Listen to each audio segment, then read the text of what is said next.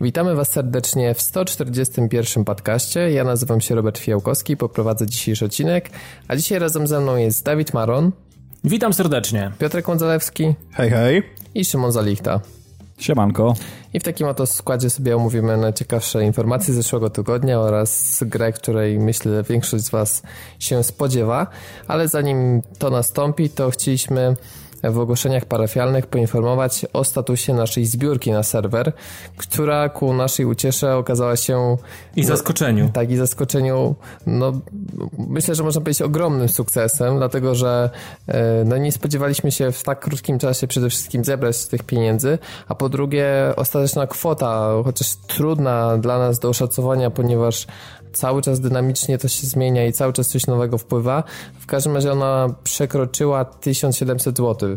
W związku z tym, no, naprawdę jesteśmy bardzo, bardzo pozytywnie zaskoczeni i przede wszystkim dziękujemy Wam za to, że. Dokładnie, tak, Allahy do samej ziemi, dokładnie. za to, że tak pozytywnie podeszliście do tematu i e, że to, co robimy co tydzień i ta nasza zajawka w temacie podcastu Wam się udzieliła i po prostu to doceniacie. Znaczy, no generalnie Dawid chciałby podziękować za Xboxa, tak? Przestań, bo ludzie jeszcze zaczną w to wierzyć, kurczę. Nie, Xboxa nie, nie, mam oczywiście, i, oczywiście i, najprawdopod- no. i najprawdopodobniej będę go miał, znaczy najprawdopodobniej, na pewno będę go miał za własne pieniądze, więc spokojnie, nic się takiego złego nie stanie. Dokładnie tak. Chociaż... A co z pieniędzmi zrobić, no to będziemy się próbowali w temacie mm, jakoś próbować w Pad TV mm, pompować te pieniądze i ewentualnie wtedy, kiedy będzie nam faktycznie coś potrzebne, czy będą potrzebne nam jakieś rzeczy związane z projektem ogólnie całym, to wtedy te pieniądze będą po prostu na to wydawane. No i, I spokojnie i tutaj... wszystkie takie wydatki, które pójdą z tych pieniędzy zebranych od społeczności, to po prostu będziemy upubliczniać te wydatki tak, ile to wszystko poszło. dla waszych oczu. Dokładnie, będzie to wszystko na tej podstronie ze wspieraniem. A jeśli chodzi o samo zakończenie zbiórki, to postanowiliśmy jej tak sztywno nie kończyć i stronę nie usuwać i po prostu uważamy, że jeśli chcecie wesprzeć nasz projekt e, w taki po prostu zwykły, koleżeński sposób, e, zostawić, postawić nam to przysłowiowe piwo, to taka opcja istnieje i zawsze doceniamy to wsparcie. Tak jak mówimy, chcielibyśmy no, mieć, no już w zasadzie się cieszymy, że mamy ten komfort, że e, jak pojawią się jakieś drobne wydatki z tym, żeby e, jeszcze no, po prostu zwiększyć profesjonalność tego, co robimy, czy dodać parę nowych bajerów i coś, co kosztuje, no to jak najbardziej mamy taką możliwość, za co Wam jeszcze raz dziękujemy. Dokładnie, dziękujemy. Dzięki, dzięki. Szalenie wręcz. I myślę, że przejdziemy już do naszych dzisiejszych tematów. A pierwszy temat, jaki przygotowaliśmy, dotyczy Project Cars, które nieoczekiwanie zostało po raz kolejny opóźnione. Nie wiem, czy to już jest trzecie czy czwarte opóźnienie. Ja w ogóle już nie no... pamiętam na tym etapie, kiedy tak na dobrą sprawę ona miała oryginalnie się pojawić, ta gra. Tak, tak. No wiadomo, że forma crowdfundingowa przygotowania tej produkcji no też wiąże się z no, pewnymi też e, obowiązkami twórców wobec tłumaczenia się ze wszystkich rzeczy, które wprowadzają oraz tego dłuższego okresu przejściowego wprowadzania zmian, kiedy ludzie muszą to ściągnąć w wersjach testowych, wydać swoją opinię. Poza tym stale pojawiają się też jakieś mm, propozycje dotyczące implementacji nowych rzeczy. E, jednakże tym razem e, premiera jest opóźniona z powodu optymalizacji wersji PC-owej a wydawca chce wydać wszystko na wszystkie platformy w jednym czasie. No i sprawa wygląda następująco, że to nie jest tak, że optymalizacja jest zła, tylko jest koszmarna i niestety tutaj najbardziej dotknie posiadaczy kart AMD, w tym także mnie, ponieważ no, ja spodziewałem się, że spokojnie ta gra, nie wiem, w wysokich detalach w tych Full HD 60 klatek pójdzie. Ona oczywiście no, wygląda bardzo fajnie, no ale biorąc pod uwagę, co Drive Club wyciska z PlayStation 4, no to nie spodziewałem się tutaj jakiegoś koszmaru, jeśli chodzi o no, potrzeby mm, związane z kartą graficzną czy procesorem. Tymczasem okazuje się, że nawet e, karty Nvidia, które są lepiej zoptymalizowane, będą miały ogromny problem, żeby trzymać 60 klatek i tutaj mówimy o GTX 980, które kosztuje 2,5 tysiąca złotych. No, to tym, pewnie za chwilę pojawi się jakaś, wiesz, specjalna graficzka pod to. Z tym, że tutaj mówię o, o grafice ultra i z przeciwnikami, no ale e, śmieszą mnie benchmarki graficzne tej gry, e, gdzie, gdzie przeciwników nie ma, no bo ostatecznie grając w trybie kariery jednak no, zdecydowaną większość czasu będziemy spędzać e, właśnie rywalizując z przeciwnikami. Także no, zobaczymy, jak to ostatecznie wyjdzie. E, jednakże jeśli ktoś, tak jak ja, mm, ostrzy sobie zęby na wersję PC-tową Project Cars, no to tutaj powinna mu się zapalić bardzo duża lampka kontrolna i raczej poczekać na testy. Mm, Być może Digital Foundry się tym zajmie, być może jakieś inne serwisy bardziej PC-towe, no bo Prawda jest taka, że na kartach AMD ta gra będzie miała problem z trzymaniem e, 30 klatek. No dobra, okej, Ale Robert. to jest wina całego tego mantlu, czy to jest coś innego jeszcze? Nie, nie, oni nie, nie wykorzystują, zdaje się, mantle. Robert, ale takie szybkie pytanie, to dotyczy tylko i wyłącznie detali ultra, czy, czy, czy niżej też jest problem? No nie, no ogólnie gra się słabo skaluje. Wy- Ty, no to, ale to w takim razie skąd to się do diabła bierze? No bo obydwie konsole są przecież oparte o AMD, jakby nie patrzeć, Ale- a na konsolach działa ok.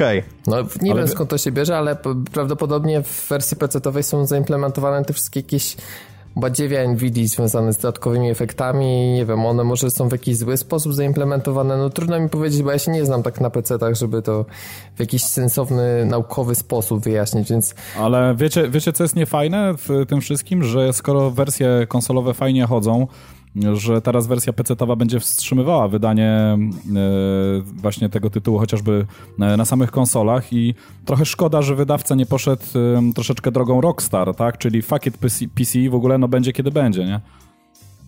No ja jako konsolowiec się buntuję. Ja się po prostu No, jawnie buntuję, bo jeżeli ktoś, jeżeli ktoś chce tutaj się bawić swoimi plikami inni z całym szacunkiem, no to może to robić beze mnie. No dokładnie, Dokładnie, dokładnie tak. Nie, no bo jeżeli gra jest gotowa na jedną platformę, a nie zostaje wydana tylko dlatego, że nie wiem z jakich powodów, czym się kierują, chcą wydać jednocześnie na wszystkie platformy, no to no, część ludzi będzie poszkodowanych niestety, no sorry.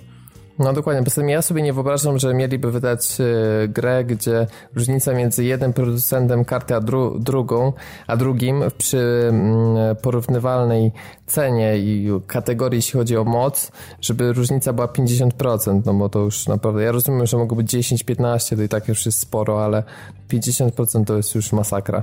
No nic, więc czekamy na efekty prac optymalizacyjnych. Na razie te ostatnie bety są jeszcze dalekie od ideału. Miejmy nadzieję, że im będzie bliżej premiery, tym całość się poprawi. E, Teraz e, przechodzimy sobie do tematów bardziej konsolowych. I tutaj bardzo dobra informacja dla posiadaczy Xboxa One, ponieważ nareszcie, chociaż jeszcze w wersji preview, pojawiła się aktualizacja umożliwiająca tworzenie screenshotów, a następnie publikowanie ich w internecie. rocket science. I jest to funkcja, na którą posiadacze czekają praktycznie od dnia premiery tej konsoli, zazdroszcząc tego posiadaczom PlayStation 4 i w końcu jest. I powiedz Szymon, czy bawiłeś się już opcją i czy działa to rzeczywiście tak, jak sobie to wcześniej wyobrażałeś? Mm, tak, znaczy i, i tak i nie. Znaczy, hmm, screenshoty można robić w dosyć prosty sposób. E, Powiedziałbym, że równie prosty co i na PC, bo mm, wiąże się to tylko tak naprawdę z tapnięciem dwóch guzioli. E, Ale działa to troszeczkę inaczej. Ja, ja, ja za- zaraz może wam przybliżę dokładnie, jak to wygląda, bo jedna rzecz mnie zainteresowała. Nie wiem, czemu to tak wygląda. A W każdym razie trzeba wspomnieć na pewno o tym, że to była taka troszeczkę większa aktualizacja. Nie, mm, nie zostały wprowadzone w tej aktualizacji tylko screenshoty, ale jeszcze e, do tego dodatkowe funkcje, których wcześniej nie było. E, I między innymi z takich pierdół w tej aktualizacji jeszcze doszła możliwość e, jakby modyfikowania sobie dashboarda pod tym pod kątem e, transparentności w ogóle kafelek, tak? Czyli jak e, bardzo chcemy, żeby były widoczne mm, na tle e, tematu, który mamy z tyłu. Czyli coś takiego jak w Windows Phone trochę, tak? Chociaż- tak, tak, to, dokładnie. Coś takiego i to jest bardzo fajne, dlatego że jeżeli komuś e, bardzo robi ta kustomizacja swojego dashboarda, to teraz może sobie dostosować, jak mocno ma być widać te kafelki, a jak mocno ma być widać ten temat, który jest w tle. E, Taka także duperela w sumie, nie? Taka, Taka duperela, duperela. taka duperela, ale fajnie, że to jest, bo no mówię, m, można sobie troszeczkę bardziej pod siebie tam e, ustawić wygląd samego tego dashboarda. Druga bardzo fajna rzecz i tutaj trzeba zaznaczyć, że e, zerżnięte absolutnie od Sony, e, wydaje mi się. E, chodzi mi o program Upload Studio. To jest taki program odpowiednik. Jak się nazywa? Przypomnijcie mi ten playakowy do e, tworzenia filmów. SharePlay? Nie, ShareFactory. Nie. Share Factory. Share Factory, Share o właśnie. chyba, tak, tak, Dokładnie, bo powiem wam, że wcześniej był taki, był oczywiście program do montowania filmów, ale te opcje były takie dosyć ograniczone i na e, tle tego Share Factory, ten Xboxowy, mm, ta Xboxowa aplikacja wypada, wypadała troszeczkę słabo i tutaj widać, że mm, wyda, tak mi się wydaje, że oni się, że Microsoft bardzo mocno wzorował się na tym, co, co Sony zaimplementowało tutaj na PS4 i to wygląda niemalże identycznie, czyli mm, mamy teraz taką jakby ścieżkę linię czasową tego filmu, który chcemy sobie zmontować. Mamy dodane tematy z przeróżnych gier, e, przejścia pomiędzy e, filmikami, które tworzymy, tak? Też związane z te, tematycznie z różnymi grami, bo to, to, to tak to właśnie wyglądało na PS4 z tego, Dlatego, co że niestety baza mhm. jest e, powoli uaktualniana i z tego, co widzę, to raz na 2-3 miesiące pojawiają się pojedyncze tematy, to mhm. jestem ciekaw, jak wygląda to startowo, jeśli chodzi o właśnie ten Apple Studio. Znaczy, to powiem ci, że szału nie ma, znaczy jest tak, jest y, kilka tematów z gier i tutaj można by było te gry policzyć też chyba na palcach jednej ręki, bo myślę, że to jest z pięciu chyba gier tam z Call of Duty, bodajże Advanced Warfare, tam z Forzy, z Halo, e, z, z, czegoś tam jeszcze. No nie, nie ma tego zbyt dużo, oprócz tego są takie mm, jakby tematy takie neutralne, dotyczące Takie danego neutralne, gatunku tak. pewnie. Dokładnie, dokładnie. Czy tam gatunku, czy, czy tam związane z, troszeczkę może z popkulturą, niektóre jakieś tego typu rzeczy. Nie ma tego dużo. Myślę, że na dzień dzisiejszy e, jest około tam powiedzmy 10, może 15 tematów i no na pewno będzie to rozwijane, ale nie ma tam jakiegoś szału. E, do tego, tak jak mówię... Znaczy generalnie mówię, zostało to zrobione tak troszeczkę teraz, bo wcześniej wyglądało to inaczej, teraz zostało zrobione to bardziej na modłę mm, PlayStation. Do tego doszły takie jeszcze możliwości, jak na przykład um, wybór, czy, czy to ma być filmik, bo niekoniecznie to może być filmik, może to być na przykład jakaś grafika w tej chwili, tylko z naszym komentarzem. Możemy dodawać napisy w dowolnym miejscu, żeby się pojawiały, tam jakieś opisy. E, można zrobić wstęp, można zrobić zakończenie, można zrobić na przykład teraz taką ciekawostkę, czyli połączyć dwa filmy z Kinecta, czyli na full screenie leci nam coś, co nagraliśmy Kinectem, tak? Jakiś tam nie wiem, komentarz czy, czy cokolwiek, a jeszcze e, dodatkowe okienko możemy sobie wkleić, e, z którego również leci materiał okręcony Kinectem. Także no, takie różne po prostu ba bariery i wariacje. E, jedną rzecz, którą muszę zaznaczyć, na pewno można to uznać za minus, tak? Ja, ja myślę, że to jest minus w porównaniu do tej wersji z PS4, takiego studia, dlatego że nie można zgrać materiału na pendrive'a, cały czas musimy się posługiwać aplikacją OneDrive. To nie jest może jakieś upierdliwe, ale mimo wszystko byłby to miły dodatek, gdyby swój materiał można było bezpośrednio na pendrive'a zrzucić. ale wiesz co, opcja... z OneDrive'a mm -hmm. to mhm. mi się wydaje, że paradoksalnie jest może nawet wygodniej, no bo nie musisz mm -hmm. przenosić, wiesz, z e, konsoli do PC, tylko wrzucasz na chmurę i potem po prostu z tej chmury pobierasz, albo możesz wręcz, e, mając tak skonfigurowane odpowiednio konto, od razu, nie wiem, na YouTube'a na przykład sobie przerzucić. E, tak, tak, na YouTube'a, te, na YouTube'a też można niby od razu, ale wiesz co, chodzi mi o to, że. E, znaczy, ja mówię, to nie jest jakiś dramat, e, tak? Tylko chodzi o to, że lepiej, jeżeli można było mieć taki wybór, to lepiej by było mieć taki wybór, dlatego że może chciałbyś na przykład materiał zabrać od razu ze sobą gdzieś tak. na pendrive. Czyli wychodzisz, tak, podpinasz tego pendrive'a, akurat zrobiłeś materiał, zrzucasz go i wychodzisz z domu, tak? I jasne, to... nie no, powinna być opcja jasna, pewnie. Dokładnie. Znaczy, Druga... w sensie chodzi mi po prostu o to, że nie ma takiego dramatu, jak wcześniej było mhm. z PS4 przed update'em, gdzie e, jedyną opcją był, był Facebook tak naprawdę, więc... To znaczy jeszcze ewentualnie Twitter, ale na Twitterze tam było straszne zbicie jakości. Zresztą dalej jest i właśnie ja się, Fox, ciebie chciałem zapytać, jak wygląda kwestia tak? eksportu, w jakim to jest formacie na, na X-ie. Czy już eksportowałeś, eee. czy jeszcze nie? To znaczy eksportowałem, jest, jest to w formie MP4 zawsze i powiem wam, że jakość jest całkiem dobra, bo filmiki są generowane w 720p. Także Aha, no to czyli to samo co na PS4, natomiast właśnie tak, tak. tak może gwóźdź programu, a więc screeny, jak mhm. to tam wygląda. E, tak, to wiesz co, tylko jeszcze jedną rzecz dokończę. A Aha, nie, śmiało, śmiało. E, jedną rzecz, którą trzeba jeszcze zaznaczyć na minus, na pewno tutaj ta PS4 e, aplikacja ma również przewagę pod tym kątem, bo na, PS, na PS4 można dodawać własne moty, tematy muzyczne z pendrive'a, tak? Bodajże. Z tego, co no wiem. tak, jest taka możliwość, tak, owszem. Chyba no dodawali, no, coś takiego. A, tuta, a, a tutaj niestety tej opcji nie ma, także zrzucanie na pendrive'a, znaczy jest to aplikacja, która wygląda i działa teraz już naprawdę niemalże identycznie jak na PS4, ale minus te dwie funkcje, czyli zrzucanie na pendrive'a i dodawanie własnej muzyki. Nie wiem, czy to zostanie zaimplementowane, na razie takiej informacji nie ma, e, bo mm, no w tym w tym preview są wrzucane informacje, co tam będzie dodane w przyszłym, e, w przyszłym miesiącu, no ale takiej informacji nie ma, więc nie wiem, czy nad tym pracują, czy to w ogóle zostanie dodane. Generalnie całe, e, cała ta aplikacja jak najbardziej na plus, bardzo fajne, fajne opcje, fajnie się to teraz robi, o wiele o wiele płynniej, o wiele bardziej intuicyjnie i mamy o wiele więcej opcji, żeby zrobić o, o, o wiele ciekawsze materiały. Także generalnie na plus. I ostatnia, najważniejsza aktualizacja to właśnie z, wspomniane screenshoty. Działa to, działa to naprawdę bardzo fajnie, dlatego że Znaczy można oczywiście to zrobić komendą głosową, jeżeli, no nie na polskim rynku niestety, ponieważ ta obsługa ciągle jeszcze głosowa no nie działa na polskim rynku, ale jeżeli działamy sobie tam na jakimś, w jakimś kraju, gdzie jest ta obsługa y, głosowa poprzez Kinecta, to możemy po prostu wydać komendę i w tym momencie screen, screenshot zostanie e, zrobiony, albo poprzez e, tapnięcie sobie przyciska e, przycisku e, Xboxowego, tego, który przenosi nas do dashboarda i wtedy e, e, wciśnięcie przycisku Y. I w tym momencie zostaje, dokładnie w tej sekundzie, e, tudzież milisekundzie zostanie z, zrobiony screenshot. Co ciekawe, zauważyłem taką dziwną rzecz, e, nie wiem, czy to dobrze, czy, czy, czy nieźle, nie wiem, jakoś nie oceniałem tego.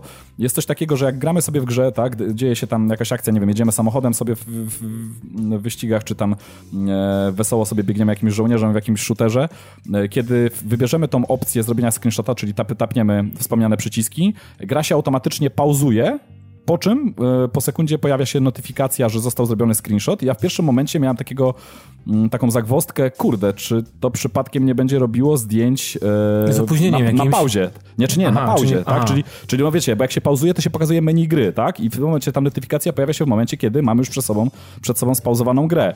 E, okazuje się, że nie, że to tak nie działa, że ktoś to na tyle fajnie przemyślał, że screenshot jest zrobiony dokładnie w tej milisekundzie, w której naciskamy przycisk, czyli można go zrobić naprawdę dość dokładnie, e, ale automatycznie pauzuje nam tą grę. Oczywiście e, menu e, pauzy w danej grze możemy też zrobić screenshota z tego menu pauzy, tylko trzeba najpierw spauzować, a później wprowadzić tą kombinację przycisków, tak? Tych A dwóch. powiedz mi, czy jesteś w stanie wcisnąć tą kombinację przycisków jedną ręką? Tak, jednym palcem właściwie, jak najbardziej. Tak? Bo to jest tak, Tak, ten tak. Xboxowy, czyli to nie ma tak, że musisz odrywać. Chodzi mi o to, czy nie będziesz miał problemu, wiesz, żeby zrobić screena, to musisz, nie wiem, załóżmy jednym samochodem przestać kierować na wprost i wtedy już nie wychodzi tak naturalnie ten screenshot. Czy z tym nie, nie znaczy e, inaczej, przy shooterze FPP e, czy tam TPP nie będziesz mógł obracać kamerą, dlatego że to się najwygodniej robi kciukiem oczywiście, tak? Prawym kciukiem. Mhm. Także, także to no, będzie można się poruszać postacią, można kierować pojazdem jak najbardziej. Znaczy generalnie można obsługiwać lewy, lewą gałę, tak? A no, z prawej gały musi nam na chwilę ten, ten palec zeskoczyć, żeby wcisnąć tą kombinację jednego i drugiego przycisku. Mhm. Także o tyle to Ale wygląda. to chyba Co nie do- jest jakieś tam mm, niewygodne No nie, czy no nie uciążliwe, nie? No, generalnie, no, no jakoś trzeba No. to zrobić, no. Najwygodniej na pewno oczywiście komendą, tak? Tylko, że no mówię, no jeżeli ktoś skorzysta z polskiego rynku, no to niestety komendą głosową nie będzie mógł tego zrobić. E, ostatnia informacja ważna, myślę, dla osób, które zastanawiają się, jak to będzie wyglądało e, pod kątem szerowania, e, to, e, że tym screenshotem, który zrobimy, możemy się dzielić e, jak na razie, tak? e, mm, troszeczkę, że tak powiem, mamy mniej możliwości niż przy nakręceniu filmu, dlatego, że nie możemy wrzucić go na OneDrive'a w tej chwili, O, nie ma no jeszcze to takiej duży opcji. minus, no. E, to znaczy duży minus. Już, już tłumaczę, jak to, jak to można zrobić. Można wrzucić z tego, tego zrobionego screenshota albo na, mm, na naszą ścianę na Xbox Live, tak, bo jak wiecie, tam teraz taka funkcjonuje ściana, na której pojawiają się wszystkie nasze Wow, aktywności. to na pewno jak ktoś robi screeny, to najbardziej go interesuje właśnie ściana Xbox Live. Mm, Dokładnie, Ale, ale, ale, nie, ale, wcale. ale, ale, ale spokojnie, bo powiem wam tak, yy, widać, że Microsoft połączył tutaj pewne rzeczy, żeby, żeby nie było z tym problemu. Dlatego, że tak, posiadając aplikację Smart Glass, możemy sobie z tej ściany ściągnąć, w, yy, w, nie tracąc absolutnie jakości tego screena, to jest raz. Yy, druga sprawa, jeżeli ktoś nie korzysta z tej aplikacji yy, Smart Glassa, to może również teraz została przystosowana yy, strona xbox.com, czy tudzież, tudzież xbox.com/pl na której y, również y, po zalogowaniu się widnieje nasza ściana i również stamtąd możemy ściągnąć tego, z tego screena, więc też nie ma problemu. E, trzecia możliwość, taka, żeby sobie gdzieś go ściągnąć na komputer, to po prostu możemy się podzielić poprzez e, Twittera. I z Twittera również nie mamy żadnej straty jakości, czyli wrzucamy na Twittera i z, z Twittera bezpośrednio można pobrać. Znaczy, no, No to dobra, się akurat a- nie zgadzam, w sensie, że Twitter jednak ma jakąś tam stratę. No ale Twitter chyba tak na dobrą sprawę też trochę rozmiar ogranicza, przynajmniej na PS4 tak jest, że on trochę chyba zbija rozdzielczość. E, rozmiar, rozmiar ogranicza, tak, ale wiecie co, nie, Ale nie taki, nie takiego, surowego, takiego surowego z- zrzutu, takiego, nie wiem, w, jakim, w jakiejkolwiek rozdzielczości, w takiej na przykład jak jest gra, nie, nie, ma, nie ma dostępu do Nie, takiego zdjęcia nie, Ale surowego? nie, no Będzie... Zobacz, ale poczułem, nie wiem, czy to, co tam wklejałem przed, przed podcastem, ten z Sunseta, co patrzyliśmy screen, no to ja sobie wszedłem w właściwości, nie wiem, czy to jest bezpośrednio z Xboxa, ale no tak, tak, tak mi się wydaje, to przy rozdzielczości Full HD te screeny mają 2,7 mega.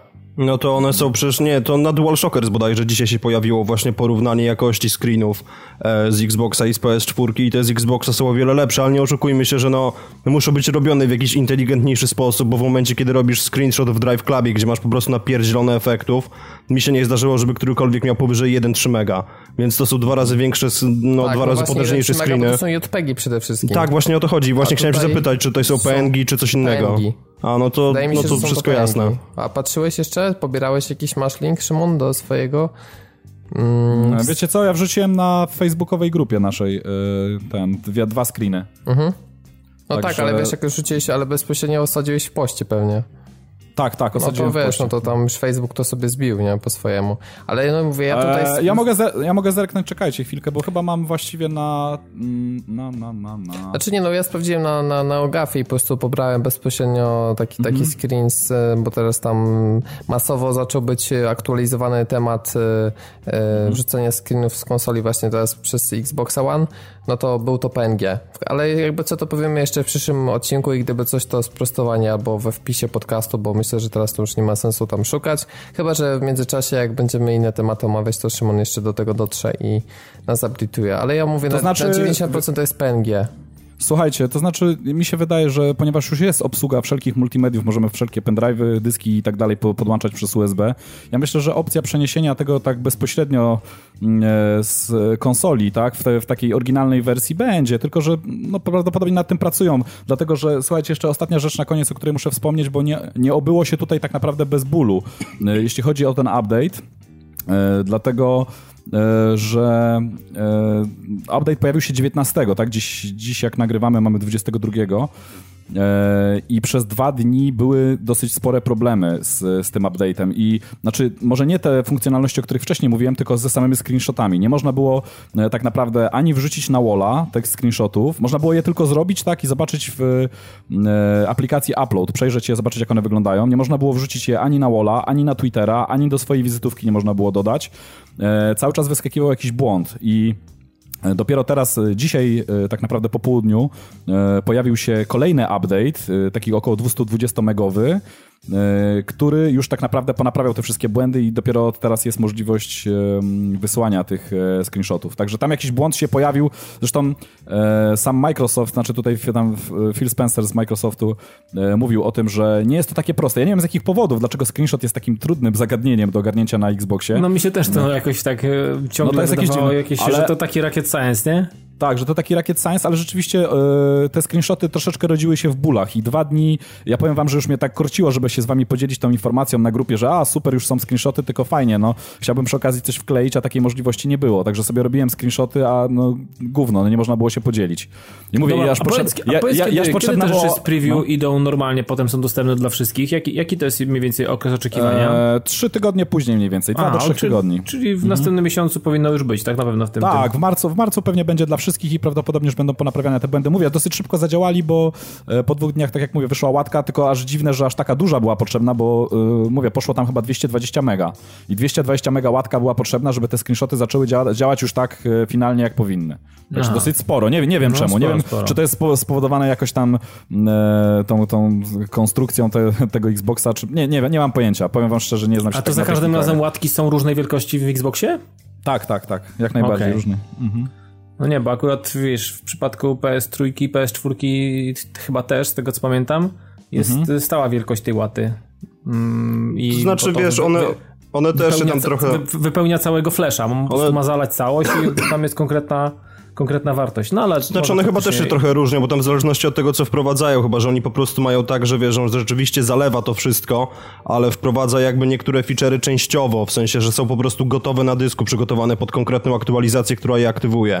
A, no chyba, A, tak, i słuchajcie, tak. i y, jeszcze tak absolutnie no już na samo zakończenie, taki pro tip ode mnie, dlatego że nie każdy może się dokopał do takiej informacji, może nie każdy o tym będzie wiedział. Jak ktoś już zacznie z tych screenshotów korzystać, to słuchajcie, jest taka, mm, taka akcja, że te screen, screenshoty, jeżeli nie użyjemy opcji save w uploadzie, nie zasejwujemy, znaczy, czy tam zapisz w wersji polskiej, tak? Jeżeli nie użyjemy opcji zapisz na danym screen, screen, screenshocie, to on z pamięci podręcznej konsoli zostaje wywalony po 30 dniach bodajże, ile dobrze, dobrze pamiętam. Także warto sobie zasejwować zapisywać to, co rzeczywiście chcemy zostawić, bo e, konsola stara się być troszeczkę mądrzejsza od nas i chce decydować o tym, co mm, Ale to jest dla nas super, ważne, a bo co nie. na Mhm. PS4 jak nie dasz save, no to przekłada Kubel. od razu. Aha, znaczy nie, tutaj trzyma w pamięci podręcznej, ale mówię, to jest przez okres bodajże 30 dni. Jeżeli konsola widzi, że się z tym nic nie dzieje, to jest automatycznie boot, nie? To znaczy to i Sony tak tam w super. ogóle też miało problemy, tak na dobrą sprawę, ponieważ były, były takie momenty jeszcze na starych softach, gdzieś tam poniżej 2.0, e, kiedy dochodziło po prostu do sytuacji, kiedy naciskaliśmy te menu share, żeby się odpaliło i następnie nie było w ogóle opcji zapisania wideoklipu. Więc Tak, Sony, Sony tam się ogarnęło. To znaczy nie, no screenshot Mhm. zawsze się robił. Ewentualnie po prostu w momencie, kiedy twórca gry sobie zażyczył, żeby w danym momencie nie było możliwości, to, to wtedy się pojawia e, komunikat mówiący o tym, że w danym momencie nie można zrobić screenshota. I to samo jest zresztą w momencie, kiedy wywali nam jakiś błąd, bo Sony najwyraźniej tego nie chce. Aha, okej. Dobra, E, no to tyle w temacie aktualizacji, chociaż pozostajemy trochę e, w obrębie dzielenia się, bo tutaj Szymon odkopał dla nas taką ciekawą historię, która może być też taką nauczką mm, dla wszystkich i mm, po prostu historią, z której możemy wszyscy, wszyscy coś wynieść. Mianowicie mm, pewien gracz na PlayStation 4 e, który miał już no, sporo godzin wbite w Destiny, On miał tam około, ja tylko powiem y, dla, dla, dla, jas- dla jasności, 30 czy 31 level w Destiny, tak? Mhm. Dokładnie, no czyli wiadomo, musiał poświęcić przynajmniej te, no, żeby taki level, no to no, na pewno miał na liczniku trzycyfrową liczbę godzin. E, no i okazuje się, że mm, w swoim klanie współpracował z pewnym starszym graczem, który przekonał go, że m, posiada jakieś tajne techniki dotyczące, nie wiem, szybszego wyfarmowania lepszych przedmiotów. Przepraszam, ja tylko tutaj wtrącę od razu. Wiemy nawet, jak się ten gracz nazywa. Ten cwaniaczek w internecie, ścigany teraz prawdopodobnie przez wiele osób. E, ma, ma, ma, ma ksywkę na PSN-ie Kermit the Frog. Okej, to nie grajcie z nim, ponieważ e, w momencie, kiedy przez SharePlaya e, otrzymał dostęp do e, jakby kierowania postacią te, tego gracza, który jest bohaterem tej historii, no to bezceremonialnie wziął i pousuwał mu wszystkie postacie. Tak po prostu. No i potem z tego, co tam, bo to ty przy, przygotowałeś Szymon, po Tak. prostu się rozpłynął, tak? No tak, tak, tak, tak. Znaczy, to generalnie wygląda, wygląda coś takiego. Znaczy wiecie co, bo co ciekawe, że to jest, no to jakiś, to jest absolutnie według mnie, no, nie mieści mi się to w głowie, jakiś ultra troll, bo gościu em, w, w, najpierw zapisał się do klanu tego, bo to jest 11-latek, ten, który to wszystko stracił, tak 11 czy 12-latek. No, no to taki E, typowy odbiorca Destiny, jakby nie patrzeć. Tak. tak, ale, przeciętny, ale słuchajcie, przeciętny. ale no chłopak, no ile by nie miał lat, tak, no tam dostał pod e, choinkę konsolę, tak, bardzo się wkręcił, bardzo mu się podobało Destiny, założył klan, tak, w tym klanie e, tam zebrał jakąś tam grupę osób, między innymi dołączył się ten Kermit the Frog, no i gościu e, zdobywał zaufanie, tak? Tam, przez, e, tam, tam, jest w tym artykule opisane, e, że tam przez jakiś czas trwało to tam dwa tygodnie czy tam ile, tak? I w końcu jak zdobył zaufanie, namówił tego chłopaka, który był mm, tym w- właścicielem tego klanu, tak, założycielem tego klanu, namówił go, że jest możliwość na szybką farmę i on mu pokaże jak, tylko musiałby właśnie udostępnić mu mm, e, udostępnić mu to mm, poprzez SharePlay swoją konsolę, tak, I, i, i możliwość grania, tak, poprzez jego konsolę. No po czym po prostu z premedytacją pousuwał mu wszystko, co, co chłopak zdobył i, e, i gościu się ulotnił. Ale wiecie, no to jest dość ciekawa sprawa, bo z tego co ja, ja korzystałem z SharePlaya, bo właśnie chcieliśmy z kumplem przetestować jak to działa. I rozumiem usunięcie jednej postaci, tak? To, to jeszcze byłbym w stanie zrozumieć, że nie był w stanie tego, tego w jakikolwiek sposób zatrzymać. Ale trzy postaci, żeby usunąć. Nie rozumiem tego. Zobaczyć ile wstał od konsoli, nie wiem. To znaczy, wiesz, no okej, w Tak, porządku, tak, tak, ale no, bo chodzi po prostu o to, że Sony jakby ma zabezpieczenie, bo ty cały czas widzisz na bieżąco to, co się dzieje, nie masz jakiejś tam statycznej planszy wyświetlanej i możesz w każdej chwili po prostu odzyskać tę kontrolę, więc no wydaje mi się to po prostu takie trochę dziwne, no ale E, słuchaj, w artykule jest napisane, że chłop, bo chłopak tak się tłumaczy, tak, że mm, e, on zostawił jakby e, tą grę temu, temu Kermitowi i e, sam odszedł od telewizora, tak, i tam przez jakiś czas go nie było, tam nie wiem, krótszy, dłuższy, ale po prostu nie było go kompletnie. A w ten, ten w tym czasie robił wszystko, co, co, co, mm, e, co mógł zrobić, tak, nie wiem, co jest dostępne, jak, czy, czy może zmieniać się między profilami, jak to wygląda tak naprawdę, mm, czy tam między postaciami. Znaczy, no, żeby generalnie- między postaciami, no to tam nic nie musisz wielce robić, no po prostu się przelogowywał, zmieniał postać, wchodził, usuwał i No tyle. to nawet, wiesz co, to nawet nie musisz wchodzić, no bo to po prostu wychodzisz do ekranu wyboru postaci i tam jest delete. No właśnie. Także Aha, to no jest właśnie. kwestia No, przytrzymania, takie, takie rzeczy przytrzymania powinny być kwadratu. zablokowane. Takie rzeczy powinny być zablokowane przy SharePlayu. Właśnie uważam, że przy takim sieciowym to Bungie powinno mieć takie zabezpieczenie, że jeśli masz, bo równie dobrze ktoś mógłby, nie wiem, w domu, wiesz, wziąć pada, strollować jego znajomy jakiś i tak dalej i też zdobyć zaufanie, no się śmiejąc No tak. trochę, no ale e, żeby wystarczyło jakiś link aktywacyjny na przykład na maila przychodził twojego prywatnego, gdzie musisz kliknąć i dopiero rzeczywiście usuwa się ta postać. Znaczy ja wam powiem, że historia jest ciekawa o tyle, że mm, to jest chyba pierwsze, mm, tego, pierwsza tego typu akcja. No pierwsza tego nagłośniona przynajmniej. No, znaczy tam pierwsza nagłośniona dotycząca tego nowego feature'a i to jest taka no przestroga, tak, wiadomo, żeby jednak e, może udostępniać tylko, no nie wiedzieliśmy, że są aż takie możliwości, tak, i e, trzeba uważać tak naprawdę komu się udostępnia tę, tą, tą grę, e, komu się udostępnia tak naprawdę moc naszej konsoli i lepiej to robić tylko z ludźmi, których tak naprawdę w realu zna- znamy, tak, i mamy z nimi jakiś kontakt, bo jak widać może stać się to niebezpieczne, no w- różnych tytułach, no powiem wam, że w Destiny to już tak wybitnie, no bo to jest gra, w której rzeczywiście można spędzić tam 200, 300 i nawet więcej godzin. Stary, a na przykład taki diabeł? No, czy Albo, diabeł, albo no i- Borderlands. Albo Borderlands to jest to więc koszmar, no, to jest koszmarna strata. No to jest Przecież- koszmar, to jest, to jest koszmar nie, nie gracza. tyle no. może kwestia godzin, ale tych rzeczy, które masz przypięte do postaci, bo to jest naj, chyba najbardziej niestety- istotnym, istotnym produktem. No. Ale zobacz, w dobie, mm, w dobie takich otwartych światów, ja zawsze jak widzę gry, które mają jeden save, to zawsze tak się boję, no bo grasz sobie Mhm. w takiego Far Cry'a 4, niech ci się save spieprzy i nie No. możesz odzyskać, nie? Niech No, ci się dokładnie. w Diablo coś tam, nie... znaczy w tych grach to jeszcze sieciowo, to jeszcze jak ci nie mogę, ale tych, które nawet y, tylko singlowe, jak właśnie Borderlands czy Far Cry, no, czy na No ja powiem wiesz, ja jestem GTA. cały czas, szczególnie w, w japońskich RPGach, to jest e, podstawowa opcja. Save'ów robisz kiedy chcesz, albo znaczy kiedy chcesz to jest raz, a dwa z reguły jak jest miejsce na save, to, to nigdy nie nadpisuje tego samego pliku. Zawsze to jest nowa, nowe, nowe pliki, wiecie, i kurczę, to jest jakby kolejny zapis, nigdy nie nadpisuje. I Albo ja chociażby ja- ja- trzy zapisy, nie? A to, To ja, mam znaczy- trochę inną, ja, ja mam trochę inną technikę, Dawid, powiem ci, bo ja zawsze w każdej dłuższej grze, czy w każdym RPG-u zawsze mam dwa save'y i zawsze nadpisuję raz na jednym, raz na drugim. A to ja nie, ja nie. Ja A poza jedę, tym- jadę, za każdym razem próbuję mieć nowy, czysty save i zostawić wszystkie od początku. Tak na przykład przechodziłem też God of War'y wszystkie, że Mhm. każdy save to był osobny plik. Dlatego du- jedną z największych zalet PlayStation Plusa jest jednak e, ten backup save'ów Ta do chmurka, chmury. tak. I to jest kopia, to nie jest tak, że one są sczytywane z chmury, prawda? Tylko po każdej sesji zakończonej dopiero ten save się wysyła. Znaczy, Więc- wiesz co, to chyba inaczej jeszcze działa. Przynajmniej tak działało, tak działa na PS3, że w momencie, kiedy robisz tą synchronizację na przykład w nocy o którejś tam konsola, to wtedy się te wszystkie rzeczy dzieją. Robiona jest synchronizacja z e, trofeów, Ale wiesz co, robiona ja jest patrzę wysyłka na- save'ów do chmury i tak dalej. Nie Ale- chyba, że teraz to inaczej działa na PS4. Wydaje mi się, że inaczej, bo jak patrzę po e, powiadomieniach, to tam jest taka zakładka Aha, uploads okej. i one mi, wydaje mi się, że dynamicznie wrzucają. No, to znaczy na że PS4, teraz na PS4 na pewno się to dzieje dynamicznie, bo ja ostatnio właśnie przez przypadek wpadłem do mojego menu uploads i widziałem tylko jak jest 3,5 tysiąca uploadów z Drive Cluba zrobione. Aha. Aha, no dobra. Okej. To znaczy, że Znaczy- 3,5 tysiąca razy grałeś w grę, nieźle. To znaczy nie, no to było wiesz tak rzucone żarty śmiechem żartem, ale no 7 tysięcy kilometrów ostatnio nabiłem.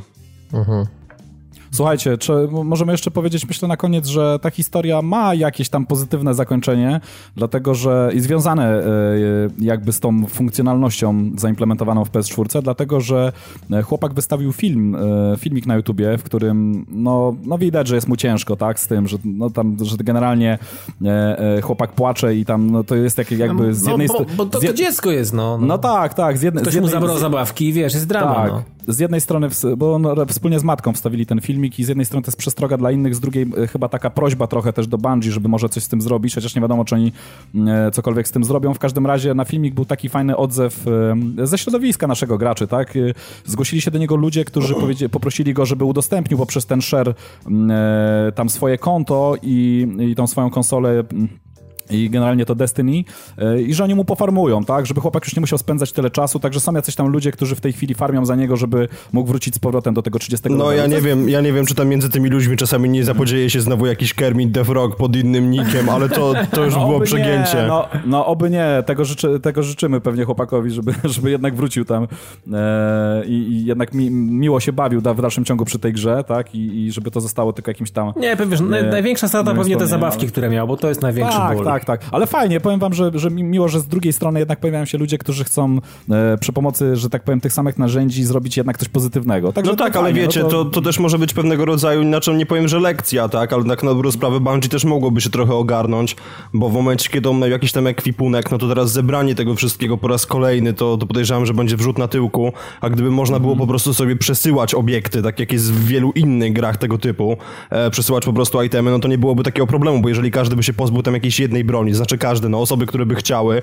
to od razu by to o wiele szybciej też poszło, a niestety Bungie nie, nie pomyślało o tym, żeby wrzucić właśnie możliwość pożyczania sobie albo po prostu giftowania sprzętu. Znaczy świadomie, bo oni stwierdzili, że to zburzy tam ekonomię No świata. tak, bo ich ekonomia jest przecież w takim cudownym stanie przy 54 różnych walutach i zawracaniu dupy przy każdej możliwej transakcji. No, Znaczy, wiecie co, zobaczysz, w że ogóle- to jest, wiesz, jeszcze będą mikrotransakcje, więc to Ja zobaczymy. wam, powiem, ja wam powiem tak, że generalnie po takiej historii, jeżeli już taka historia wypłynęła, to Sony, gdyby było ogarnięte, zrobiłoby coś takiego na zasadzie blokady odgórnej w każdej grze, tak? E, Były pewne, pewne funkcje byłyby po prostu zablokowane. Ale tak to jest technicznie zasadzie- bardzo trudne Mhm. do wykonania, wiesz, dlatego że ty jakby robisz mirroring, to tak jakbyś miał zrobić komuś na komputerze pracę zdalną, ale zablokować funkcję, nie wiem, usuwania plików czy coś, no. Ale Ale da ja się, myślę, że da to się jest do takie, że, zrobienia, nie, takie, że da się zrobić. No to Słuchajcie, jest w kwestia go- polityk w- bezpieczeństwa i pewnych ról uprawnień i tak dalej. No, No tylko, Słuchajcie, że Sony w- jest w- firmą, która w softie zawsze była słaba, więc... Tak, no dlatego mówię, tak. że gdyby byli, dlatego mówię, że gdyby byli ogarnięci, bo przecież macie nawet w Google Docsach, tak? Masz tryb y, oglądającego, a masz tryb y, edytującego. No i proste. Dokładnie. No. E, No tak, jest to do zrobienia, albo chociażby ja tutaj akurat e, bardziej mówię na, moim zdaniem Bungie dając możliwość tak łatwego usunięcia po trzech postaci, no tutaj zdecydowanie leci w kulki i to powinna być jakaś, nie wiem, dwustopniowa weryfikacja, jakiś kod na SMS, na maila, nie wiem, czy z aplikacji Destiny.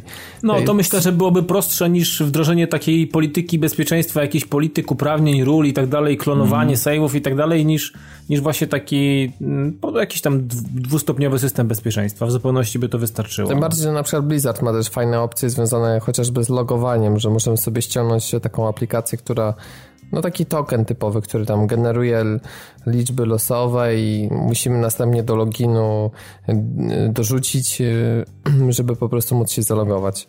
Więc, więc jak najbardziej tak, jest to do wdrożenia także przez firmy, firmy growe. E, Dobra, ale lecimy dalej i teraz temat już związany, można powiedzieć, z najważniejszym, co się działo w ostatnich siedmiu dniach. Mm, e, Informowaliśmy w zeszłym tygodniu Was o tym, że Piotrek e, zamiast nagrywać z nami odcinek był w Warszawie i był na pokazie The Order. No i można powiedzieć, że wiele osób, mm, nie wiem, czy akurat Piotrek obiecywało sobie sporo po tym pokazie. Tymczasem to, co zostało udostępnione dla prasy i dla mediów ogólnie, no okazało się no, lekko mówiąc śmieszne. W dodatku powstała wewnątrz branży, można powiedzieć, taka długotrwała dyskusja, dlaczego Sony Polska zdecydowało o, to, o tym, żeby wrażenia z tego pokazu móc opublikować dopiero o 8 rano w piątek. Ja wtedy, właśnie o kiedy- tym chciałem, bo tak na dobrą sprawę już z Robertem gadałem, gadałem no na ten gadaj, temat. no nie gadaj. No jednak, nie? Ale właśnie kwestia jest możesz, taka, że a możesz, a możesz teraz już tak, teraz już tak, owszem. No, premiera już była, no. No, No wiesz, tak, no, no. Nikt, nie, nikt nie wiadomo, a, kur, a nuż wiesz, NDA wieczysty. Nie no, proszę cię. 2016. Ja to podpisywałem, chwileczkę. No i ja domyślam się, no inaczej wiesz, mógłbyś tam melony zjeść pozostałe, jakby, jakby zostały. No dobra, tak czy inaczej. Ej, gadałem już z Robertem na ten temat i właśnie przyszła mi do głowy taka bardzo trafna metafora a propos całego tego pokazu. I może zacznę trochę od dupy strony, za przeproszeniem, bo od podsumowania. Natomiast cały ten pokaz był dla mnie tak, jakby ktoś mnie zaprosił na bardzo elegancką kolację do siebie do domu, a następnie w niezwykle grzeczny sposób roztarł mi na twarzy psią kupę. Wow. Tak. Aż tak. To, jednak znaczy- nie zazdroszczę, nie zazdroszczę, że byłeś. Znaczy powiedzmy sobie tak, sam pokaz em, nie zapowiadał się jakoś tam fenomenalnie, bo wszystko było zorganizowane w jakimś tam, e, w jakiejś restauracji czy pubie w zasadzie w Warszawie, takim w angielskim stylu, więc zostaliśmy wtłoczeni tam do jakiejś małej salki, gdzie były krzesła, no ale to jest pół biedy, tak, no to niewygoda, niewygoda, już to olać. Natomiast kwestia jest taka, że pokazano nam dwa gameplaye trwające po 10 minut, gdzie osoba, która grała, no nie wiem, trzymała pada chyba trzeci raz w życiu, może, bo nie wyobrażam sobie sytuacji, w której w czasie hands-offu e, grający ginie trzy razy z ręki tej, tej samej postaci. gdzie ma dwóch przeciwników, Mhm. jeden wychodzi z prawej, drugi z lewej i ten z prawej po prostu cały czas go zabija. No to dla mnie było trochę śmieszne. Ale to wiesz, może chodzi o, chciał pokazać długość gry przez to. A, no tak, to jest możliwe. To znaczy Ruwi Rasuria podkreślał, że chce, chcą nam tym samym, po- zażartował, tak, że chcą nam tym samym pokazać, że gra jest trudna. Co jest gówno warte, tak na dobrą sprawę, ale do tego jeszcze przejdziemy. Em, no, w każdym razie embargo właśnie na te dwa hands-offy, które były, no... Takie sobie. Było, tak jak powiedziałeś, do piątku do ósmej rano i następnie dostaliśmy niebywałą możliwość zagrania w niepublikowany kod. I sobie myślimy, okej, dobra, w porządku, tu się zaczyna impreza, możemy pójść na zaplecze, możemy pograć, zobaczyć z czym to się je. Zgadnijcie, ile trwało gameplayowe demo. 5 minut. 5 minut, no. To jest bardzo opt- op- optymistyczna wersja. 5 minut to w momencie, kiedy zginęliśmy dwa razy, bo nie było żadnego tutoriala, jeżeli chodzi o, o sterowanie. Nie trzeba było się do niego przyzwyczaić, ale tak, mniej więcej tyle. To były dosłownie trzy fragmenty mostu, na których trzeba było postrzelać, które były przeplecione zresztą jeszcze dwiema cutscenkami. O kuźwa. Także... To się no, nagrałeś. O Jezu, na, c- po prostu sobie nie wyobrażasz, nagrałem... Zakwasy masz. Słuchaj, nagrałem się tak, że wróciłem po prostu do domu i pierwsze co zrobiłem, to anulowałem preorder. I bardzo No to cię przekonali. Ale, ale słuchajcie, słuchajcie, wiecie, wiecie, co mi teraz przyszło do głowy? E, To smutne, smutne bardzo jest to, kiedy porównamy sobie mm, długość czasu gry e, The Order, znaczy tutaj, tutaj mówimy tak naprawdę o demie, tak, ale już chyba to nie jest tajemnicą, wiemy mniej więcej ile, ile trwa cała gra, e, z demem, które zostało udostępnione w Dragon Age'a, które trwa 6 godzin, nie?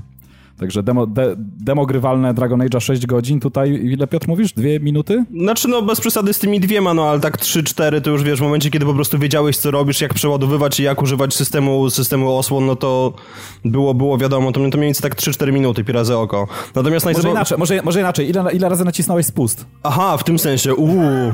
Ty wiesz co, ale nie, nie, nie, do tego nie można w ten sposób ewentualnie. Na, na to nie można patrzeć z tej perspektywy, z tego względu, że dostawaliśmy broń do dyspozycji, która była trochę jak pulse rifle i trzeba było ten spust przytrzymać, żeby wyzwolić właściwą moc, więc no, ten, tu, to by tutaj nie zadziałało, to muszę obronić Sony w tym wypadku. Tak, że okej. Okej. Okej. A powiedz, y, czy y, jakbyś, bo już jednak y, no, zdradzimy, że też położyłeś łapy na już premierowej wersji grasz w Ordera, ale gdybyś miał wrażenia y, z, tylko i wyłącznie z tego pokazu, to w ogóle byłbyś coś w stanie powiedzieć o grze, co rzeczywiście ma się do efektu końcowego, czy po tak krótkim fragmencie w zasadzie to mm, bo można łatwo mamić, no bo jak pokazujesz 10 minut takiej gry, to możesz pokazać, wiesz, 10 minut cutscenek i wszyscy powiedzą, że ta gra to tylko film, 10 minut quick time eventów i powiedzą, że to jest, wiesz, Heavy Rain 2, albo pokazać 10 minut strzelania i wow, tu jest dużo gameplayu. No i To znaczy, wiesz, em, coś takiego powiedzieć po tak krótkim fragmencie. To, co pokaz mi... Przepraszam. To, co pokaz mi zademonstrował, to było to, że polska wersja językowa to jest wymieszanie krowiego łajna z przełkupą. Po prostu. Ale to tego można było się spodziewać. Nie, ale wiesz co, ja, ja nie, byłem, nie byłem w stanie po prostu przewidzieć faktu, że to będzie tak, przepraszam za słowo, chujowe. Bo o ile głosy jeszcze, pi razy oko, miejscami są naprawdę dopasowane ok i broń Boże tutaj nie piję do Krzysztofa Banaszyka, który jest naprawdę świetnym voice aktorem i, i to było widać w The Last of Us chociażby, to w momencie, kiedy po prostu patrzymy na te wszystkie postaci poboczne, które mówią w sposób nadmiernie teatralny i to, to, to jeszcze widać, które mają na siłę wciśnięte przekleństwa w swoje kwestie, ponieważ no, jest, jest to gra o Anglikach i oni wplatają te swoje bloody tu i ówdzie. I, i, I po prostu jest to strasznie naturalne. Do tego wszystkiego jest, tak jak mówię, ta nadmierna teatralność. Są głosy, które są momentami potwornie dopasowane do postaci, bo oto ktoś, kto jest stary, mówi nam głosem młodego człowieka. No przepraszam, ale nie. Ja nie wiem, co No ludzie tak. w Sony brali, ale musiało to być mocne. Także to, to, to wyniosłem z pokazu. To jest raz. czyli Dwa jeden, natomiast, nie, no, bez przesady. Poza tym jeszcze też wyniosłem, że strzelanie jest bardzo fajne. Co, co jest pozytywem. Co jest pozytywem z tego względu, że te wszystkie bronie, które właśnie są tam konstruowane przez e, Nikolę Tesla, e, mają takie poczucie surowości i to czuć po prostu, jak się, jak się nimi strzela. Nat- natomiast chciałem jeszcze zaznaczyć, że w porównaniu do poziomu trudności, nie, może po prostu już za dużo ograłem tej gry w domowym zaciszu, ale dałbym głowę, że to, co było pokazane na pokazie e, w poniedziałek miało sztucznie podkręcony poziom trudności. Bo ja w tej chwili No, siedzę, możliwe, siedzę w możliwe. domu i gram na hardzie i po prostu ta gra jakoś tak, no, nie przypomina Grasz, mi tego... Przechodzisz sobie. Tak, dokładnie. Tutaj granie po prostu na mediumie nie ma najmniejszego sensu, więc no nie wiem, co się stało. Czy, czy, czy po prostu zbili poziom trudności, czy po prostu tamten build, który miał całe 5 minut, został Weź jakoś pobaw- sztucznie pobaw się, podkręcony. pobaw się plikami inni, może coś podkręcisz. sobie. No, to nie ta platforma. A słuchajcie, mam do was też takie pytanie, które nie dotyczy bezpośrednio gry, ale pewnego takiego zabiegu, który tutaj mocnym echem się w naszej branży growej właśnie odbił. Mianowicie mm, okazuje się, że Wyłączność na recenzję przedpremierowo dostał portal filmweb.pl, który jest jakby głównym źródłem reklamowym dla Sony. A tam, co... tam są w ogóle gry? O. Tak, oni od dłuższego czasu robią Fajnie. recenzje gier i jakby też ich ba rozbudowują bazę w tym kierunku. No, jako ogólne... Robert, wiem dlaczego tak jest, bo ta gra jest bardziej chyba filmem niż grą, więc może stąd ten pomysł. Jasne, ale... A, słusznie, tu, słusznie. Tutaj jest racja. Poza tym wobec e, tego, że jestem przekonany, że PR Sony spodziewał się E, że recenzje mogą być średnie tego tytułu, no to wiadomo, że puszczenie takiej... Więc poszedł na grunt, gdzie nie ma hardkorów. Dokładnie, dokładnie, więc to jest jakby jasna sprawa. Ale tutaj zagorzała dyskusja, nie chodzi o to, czy to jest film web, czy gry online, czy jakiś inny serwis, tylko mm, czy wy pamiętacie jakiś taki mm, e, zabieg wydawców zachodnich, że na przykład IGN dostaje na wyłączność recenzję albo Polygon, albo nie wiem, GameSpot, cokolwiek, ja pamiętam, że było z Fuse'em kiedyś tak i, i, chyba chyba nikt nie dostał, ale to był to mi taki jedyny, jedyny tytuł, który ale wiem, że był taki o Polskę. Hmm. Czy nie? Czy zachodnie też? No, nie, nie, chyba to chyba był global. To był chyba tak, global. Ale nie, nie pamiętam takiej sytuacji, żeby jakiś jeden portal miał. No nie, i... żeby ktoś wybiórczo takiego exa dostał, to chyba też nie pamiętam takiej I sytuacji. Uważacie, raczej, że raczej to jest w porządku, było. żeby recenzja była częścią kampanii reklamowej gry, czy To znaczy, czy wiecie nie? co, mi się najbardziej wydaje, że w tym wszystkim najbardziej nie w porządku jest to, że oni musieli tą grę dostać odpowiednio wcześniej, tak? To kiedy to ewentualnie mogło być? Mogło to być w poniedziałek, we wtorek, powiedzmy, żeby ją szybko przejść, no, no bo powiedzmy, że to nie jest długa gra, tak? No był to ten tydzień na pewno, znaczy ten, czyli już zeszły, jak tego słuchacie, no. No tak, ale to w takim razie moje pytanie brzmi, dlaczego ja w poniedziałek usłyszałem, że wszystkie promki są zajęte przez urząd celny i one tam czekają, no bo ja po prostu nie toleruję czegoś takiego i trochę mnie to wpieniło, prawdę powiedziawszy. No nie wiem, no tak, tak taka jest oficjalna wersja i tak też to krążyło w kuluarach, że... O nie, jedna wyciekła, wypadła przez okno, akurat przechodził ktoś z film webu, wezmę sobie i zrecenzuję. Wystawię 8, no no tak. Ale wiecie co, ale wiecie co, y, taka czerwona lampka zapaliła się trochę wcześniej. Nie wiem, czy śledziliście Twittera i tam tych producentów e, Order, w ogóle ich wypowiedzi, bo, znaczy że była jasność, ja od razu powiem, tak, tutaj może troszeczkę obśmiewałem też tą ilość czasu, tak, ja nie do końca się z tym zgadzam, tak, to, że gra jest krótka, powiedzmy tam na, nie wiem, 5-6 godzin, czy, czy, czy jakkolwiek, to nie znaczy, że ona musi być chujowa, może być Ale nie, wiesz, dobra. To już Szymon mamy omówione, to jest w ogóle, no, wiesz, tak. to jest temat, ale, którego nie ma co podbijać w ogóle, nigdy. Ale nie, nie, ale chodzi mi, chodzi mi, y, chodzi mi o to, że na Twitterze y, po tym, jak pierwsza osoba, która gdzieś tam się jakoś dorwała do tego orderu, nie wiem, czy z torrentów, czy jakkolwiek, y, i ograła, wrzuciła w ogóle gameplay, gameplay, który trwał tam poniżej 5 godzin, tak, całą grę wstawił na YouTubie ktoś tam, no i poleciały komentarze, tak, do twórców, y, co jest grane, czemu ten tytuł jest y, taki krótki, y, po czym oni szli, nie wiem, czy, czy, czy czytaliście te ich wypowiedzi, absolutnie w zaparte i powiedzieli, że nie ma opcji, to jest jakaś ściema i że tytuł nie można przejść w mniej niż 10 godzin, tak, i czyli kłamali tak naprawdę w żywe, w żywe oczy, no i nie wiem, czemu to miało służyć, czemu, czemu sami twórcy szli tak w zaparte w ogóle, wiedząc, jak, jak to wygląda, mm, jak to wygląda naprawdę. No bo ostatecznie to około tam 6,5, 7,5 godzin mniej więcej. Ale to sobie jeszcze omówimy, myślę, w dalszej części podcastu, jak już się no podzielimy tak. wrażeniami z, z gier. No, jeszcze mhm. właśnie kończąc ten temat, no to ja uważam, że trochę mi to wszystko pachnie takim mocno sterowanym PR-em, a trochę mało jest miejsca na taką krytykę.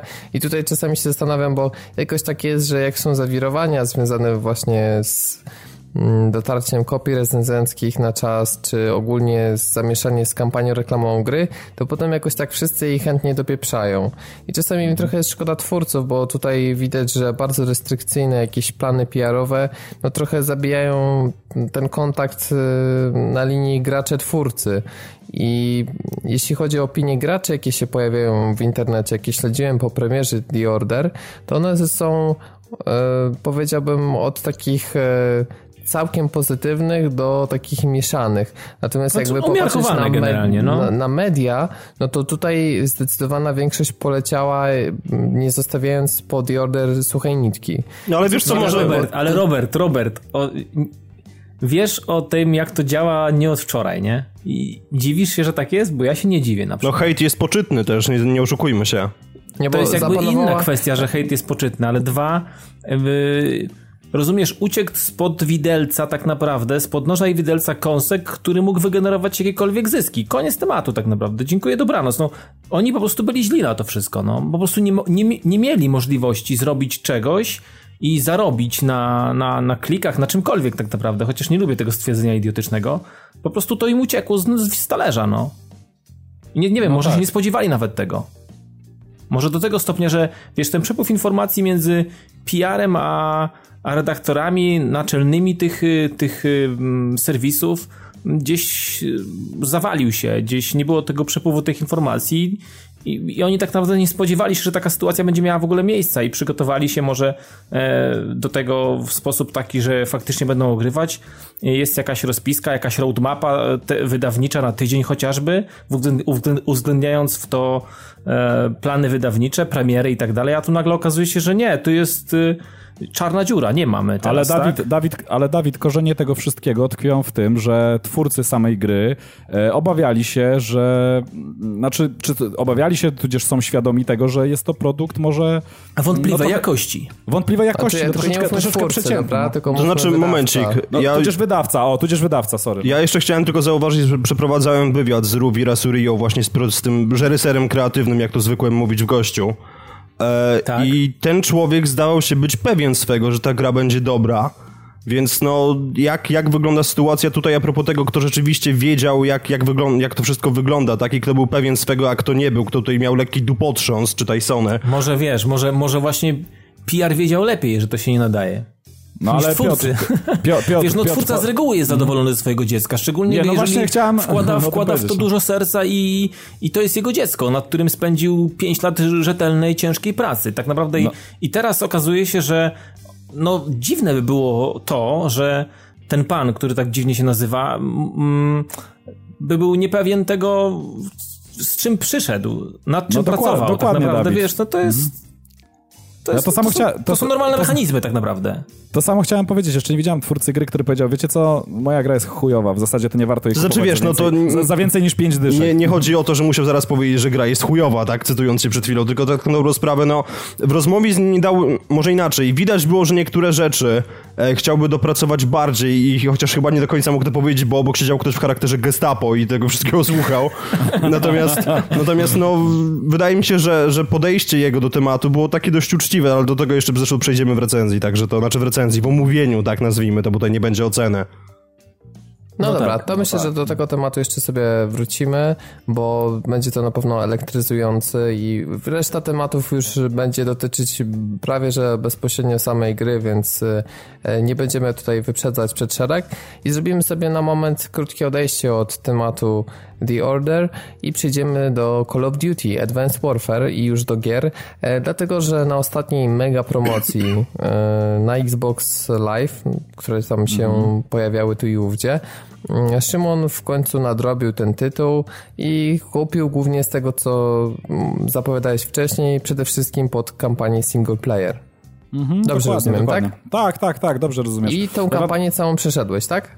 E, prawie, jestem pod koniec. Okej, okej. No ale wiecie co, ale to wynika tylko i wyłącznie z tego, że ta ostatnia promocja była naprawdę... Mm, Syta była. No, syta była, powiem wam, że miałem, kurczę, nie tylko tłusty czwartek, ale taki właściwie cały tłusty tydzień, bo udało mi się za tam 220 zł bodajże wyrwać trzy gry e, i to, że tak powiem, w, peł, w pełni dopasione, dlatego, że Tomb Raidera wyrwałem... em, Tomb of Osiris, tak? Czy Rise of the Osiris, już nie pamiętam w tej chwili. Temple, Za- Temple, samo A, Temple. Temple, przepraszam, Temple of Osiris za 39 zł w ogóle ze wszystkimi dodatkami. E, Za 5 dyszek wyłyknąłem e, Sniper Elite czy trójeczkę, no i Call of Duty również się pojawiło w promocji, więc, więc też dziabnąłem za 160 ziko, można było śmiało tutaj e, wyhaczyć. E, I to już był taki impuls, żeby tą grę kupić, tak? Dlatego, że no, ja nie jestem osobą, która będzie się tutaj zagrywała w multiplayer. E, Chociaż i on mnie zaskoczył, o czym zaraz może w dwóch słowach powiem. Jest to trochę suchar, e, można by powiedzieć, tak, bo tytuł już wyszedł przecież w listopadzie, tak, bodajże? Czy w Pa, październiku? październik, październik. Tak, ale nie jest tak. to pierwsze Call of Duty omawiane w podcaście, bo pamiętam, że omawiałem e, Black Opsa 2 swojego czasu Tak, i to tak, jest tytuł, tak. który jest no, w pewnym sensie podobny do, do tego, co tutaj mamy, no, bo tam też było futurystycznie, chociaż nie aż tak bardzo. To co, chcesz zacząć od singla, tak? E, tak, znaczy wiecie co, ja wam powiem, że zmiany są bardzo duże. Ja się, ja się bardzo zaskoczyłem, dlatego że E, to znaczy, kurde, one są zarazem i zarazem ich nie ma, dlatego że w, same, e, w samej budowie jakby konstrukcji to wszystkie Call of Duty są do siebie podobne, tak? Czyli e, konkretne misje, wrzucanie jesteśmy tam w przeróżne regiony świata, e, tak, jedna misja w jednym regionie świata, druga w drugim, tutaj w jednej misji jeździmy, w drugiej pływamy, w trzeciej tam snajpimy, w czwartej coś tam jeszcze innego. I to generalnie taka, taka kombinacja E, pozostała, tak? E, została zachowana tutaj w tym Call of Duty. E, aczkolwiek mimo wszystko zmian jest dość dużo i powiem wam, pierwsza rzecz, która tak naprawdę walnęła mnie po oczach, to jakość oprawy. I wiecie co, jest to tak naprawdę, mimo że na tej nowej generacji pierwszym Call of Duty, jaki się pojawił, był e, Call of Duty, było to Call of Duty Ghost, to tam jednak jeszcze były takie naleciałości starej generacji. Mm, grafika była całkiem fajna, ale nie urywała nic tak naprawdę. Tutaj powiem wam, że jest to pierwsze Call of Duty, które naprawdę już coś urywa. E, powiem wam, że nie przygotowałem się od tej strony. Ja nie wiem, czy to jest już nowy silnik. Czy wy kojarzycie informację, czy to już jest jakiś nowy oni silnik? Oni co roku mówią, że to jest nowy silnik, ale wiesz jak to jest. Tak naprawdę oni mhm. cały czas przerabiają to na bazie starego, więc... Ale powiem wam, że naprawdę robi to tutaj wrażenie i... To wygląda e... tak jakby do singla był zupełnie nowy silnik, a do multi przerobiony stary, mm -hmm. dlatego że jest duża różnica w tej części tak, pomiędzy tak. tym, jak wygląda gra w multi, a singlu. Tak, to prawda i powiem wam, że, że naprawdę singiel wygląda przepięknie. E, największą rzeczą, którą się tutaj e, rzuca w oczy, znaczy to, że tam, wiecie, no, grafika jest żleta, tekstury są naprawdę bardzo ładne, w bardzo wysokiej rozdzielczości, to jest jedna sprawa, ale naprawdę efekty oświetlenia, efekty cząsteczkowe, jakieś takie, takie, takie tego, te, te wszystkie upiększacze są tutaj naprawdę na najwyższym e, poziomie. Poza tym e, taka najważniejsza rzecz, która wali po oczach, to jest to, jak zostały przygotowane wszystkie postaci. E, mimika twarzy, w ogóle jakieś tam szramy, jakieś tam niedociągnięcia na skórze i tak dalej. Y, wali to tak po oczach. Powiem wam, że jest, y, to jest, od człowiek odnosi takie wrażenie, że jest już naprawdę o krok od tego fotorealizmu, tak, że następny krok naprawdę, jaki można wykonać po, te, po tej jakości grafiki, to już jest naprawdę taki fotorealizm, czyli coś, czego powiedzmy tam z odległości metra czy dwóch przed telewizorem już nie będziemy w stanie mm, e, rozpoznać, tak, czy to jest powiedzmy jakieś, jakieś zdjęcie rzeczywiste, czy, czy jakiś tam fragment jakiegoś filmu nagranego kamerą, czy, e, czy, czy jest to animacja jakaś tam e, generowana przez komputer, tak? Tylko z tym, z tym że no, mówię, no ten taki najwyższy top, ten fotorealizm tyczy się głównie, głównie twarzy, głównie twarzy, mimiki, tego jak, jak one zostały mm, e, wszystkie wymodelowane, bo widać, że tutaj poświęcili tak naprawdę najwięcej czasu. Przez to filmiki wszelkie przerywnikowe no, ogląda się fantastycznie. Powiem wam, jak najlepszy y, film y, akcji i zresztą Call of Duty tak naprawdę w tej roli się najlepiej sprawdza, tak? Jeśli ktoś ma, y, bo jest to tytuł, a propos krótkich tytułów, tak, o czym już zaczęliśmy rozmawiać dzisiaj, y, jest to kolejne Call of Duty, które nie jest jakieś bardzo długie, chociaż dłuższe na pewno od ostatniego, znaczy tych ostatnich, dlatego, że Call of Duty y, tak naprawdę większość części można przebiec nawet i tam powiedzmy w 4-5 godzin, tak, maksymalnie.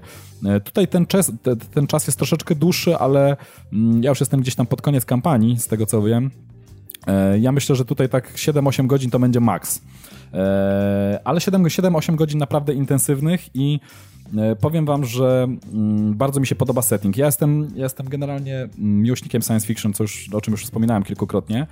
E, no i tutaj polecieli, polecieli naprawdę po bandzie, dlatego że ilość gadżetów, różnych jakichś ty, e, rzeczy, które możemy używać w, w tej grze jest po prostu no, przepotężna. Tak naprawdę w każdej misji dostajemy coraz to nowe gadżety i coraz bardziej ta szczęka opada nam na ziemię, tak? E, od jakichś tam powiedzmy latających motorów, tak? które nie mają kół, tylko gdzieś tam się unoszą, czym, czym możemy sterować, powiedzmy latać po mieście, tak? Poprzez jakieś drony, którymi możemy sterować na na polu walki, czyli możemy się schować powiedzmy za jakąś tam osłoną i zamiast strzelać z, normalnie z, z konwencjonalnej broni, tak, to wypuszczamy sobie gdzieś tam drona, nasza postać siedzi sobie gdzieś tam skampiona, a my tym dronem czyścimy cały teren. Tak i można rzeczywiście, tu nie, tu nie ma jakichś ograniczeń, no chyba, że nam, nas zestrzelą, ale możemy dronem wszystko e, wyczyścić. Dron ma różne tam E, rodzaje amunicji, z których, z których możemy sadzić do przeciwników. E, mamy tu jakieś też na przykład wielkie pancerze, tak, gdzie wchodzimy w taki pancerz i poruszamy się niczym w mechu, tak, jesteśmy praktycznie nietykalni dla kul, tylko tam dla jakichś może cięższych, cięższego sprzętu z jakimiś tam miniganami przypiętymi innymi cudami. Poprzez jakieś takie mniejsze gadżety, co, co, co też mnie miło zaskoczyło, czyli na przykład przed tym takim, no to jest znak rozpoznawczy marki, tymi wszelkimi breachami, tak, czyli gdzie tam wyważamy drzwi, wbijamy się do pomieszczenia i czyścimy pomieszczenie, tak? Teraz na przykład dodali taki gadżet. Mm, e, jeden gadżet to na przykład taki, że odpalamy taką minę, jakby przyczepiamy ją, odpalamy taką minę, ona nie tyle niszczy coś w terenie, co e, powoduje wytłumienie wszystkich dźwięków, czyli my wyważamy drzwi, wylatuje tam powiedzmy, e, wylatują drzwi, wylatuje pół ściany, ale przeciwnicy kompletnie nic nie słyszą, ponieważ to urządzenie jakby zakłóca przechodzenie fal dźwiękowych i wszystko robimy bezgłośnie, to co powiem wam, że jak się gra na słuchawkach, efekt jest naprawdę powalający. E, kolejny gadżet na przykład, e, mamy taką możliwość rozciągnięcia takiej, e, takiej powiedzmy, takiej płachty, takiego materiału na ścianie, gdzie automatycznie prześwietla nam wszystko, co jest po drugiej stronie, tak, w pomieszczeniu, robi nam takiego rentgena i możemy wyeliminować na przykład wszystkich przez ścianę, tak, nawet nie wchodząc do pomieszczenia. I tak dalej, dalej, dalej, można było wymieniać jakieś tam linki, którymi możemy się przyciągać do różnych elementów, wspinać się na różne kondygnacje, sam egzoszkielet, który nosimy, o czym już pewnie wszyscy wiedzą, kto, kto grał już do tej pory, albo kto tam widział jakieś filmiki, które też nam daje możliwości w postaci strajfów, jakichś podwójnych jumpów, w ogóle możliwości um, przyklejania się do metalowych elementów, co, co daje nam możliwość wspinania się po ścianach i tak dalej, i tak dalej. Powiem wam, że jest tyle nowości, tyle gadżetów, tyle innowacji, że ja już po prostu, powiem wam, że wiecie co, ja już czuję przesyt trochę. Jest tego aż za dużo. Znaczy to się fajnie się z tego korzysta, fajnie się to prezentuje, jest to fajnie zrobione, są to bardzo ciekawe pomysły, ale jesteśmy po prostu zarzucani toną żelastwa po prostu w każdej misji. I to, i to w każdej misji jakby mm, cały czas czymś nowym. Wiesz co, ja takich rzeczy kurczę nie lubię. Tak samo sporo moich znajomych, którzy grają wciąż, jeszcze grają w Battlefielda 4, też narzekają mhm. na to, że e, w, szczególnie w multiplayerze jest naprawdę tyle rzeczy, żeby to odblokować, to tam trzeba spędzić jakieś chore ilości godzin, żeby mieć naprawdę wszystko do wszystkiego i pobawić mhm. się każdą pukawką i naprawdę poczuć to, czym ona jest, to trzeba spędzić jakieś chore godziny i tak naprawdę bardzo daleko do tej prostoty, w cudzysłowie mówiąc, która była chociażby w Battlefieldzie trzecim multiplayerze i też było trzeba było spędzić e, sporo czasu, żeby wszystkim się obawić. Już nie mówię o Bad Company 2, gdzie tak naprawdę mhm. wystarczyło dobić do 22 levelu i człowiek miał unlocki na wszystko.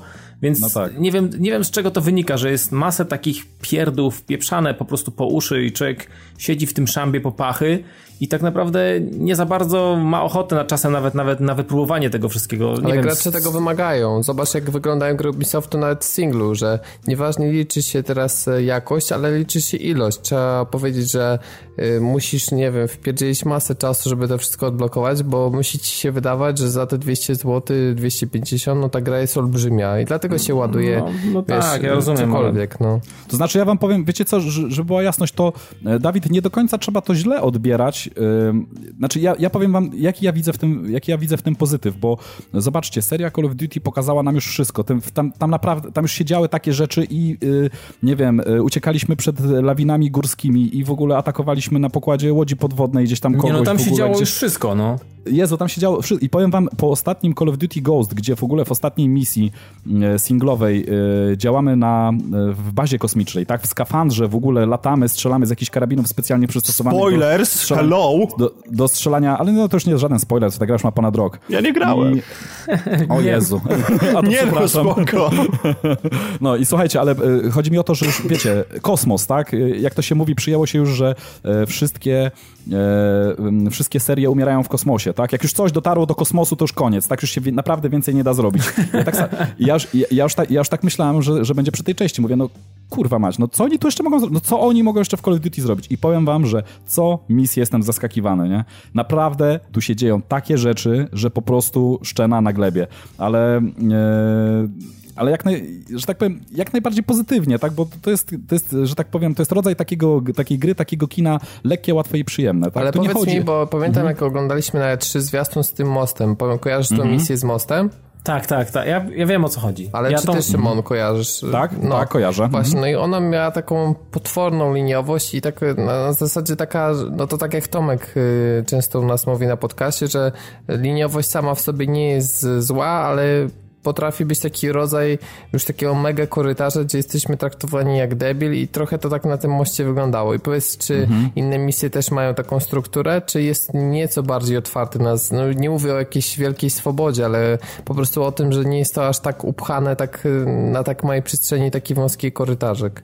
Nie, nie, nie, jest, jest swoboda. Znaczy inaczej, Call of Duty jest znane z tego, że e, aby dodać tej filmowości, aby rzeczywiście tam się działy na ekranie takie rzeczy, że gałki oczne nam po prostu wypływają już po prostu od tej ilości akcji toczonych gdzieś tam prze, nam przez, przed oczami, e, to mm, no po to, po to, że tak powiem, te koryta, korytarze, ta, ta korytarzowość jest tu, tutaj, tak, ale mm, nie tyczy się to każdej misji. Są nawet takie misje na tyle otwarte, powiem ci, że przypominam sobie w tej chwili dwie na przykład takie misje, gdzie mamy dosyć jakby dużą lokację i powiem wam, że bardzo się zdziwiłem, jak daleko mm, można zajść nie idąc główną ścieżką, czyli gdzieś tam całkowicie w bok można zajść całkowicie... No właśnie o to, o to pytam, czy są takie miejsca, czyli mówisz, Nie, nie, są, są, są, tak? są, mhm. są, takie miejsca, jest nawet misja taka skradankowa, gdzie musimy się dostać do e, pewnej rezydencji, mamy ogromny ogród przed tą rezydencją, jakiś tam park, jakiś tam e, kawałek lasu, inne elementy i możemy naprawdę dotrzeć do tego miejsca na, no, na kilkanaście sposobów co najmniej.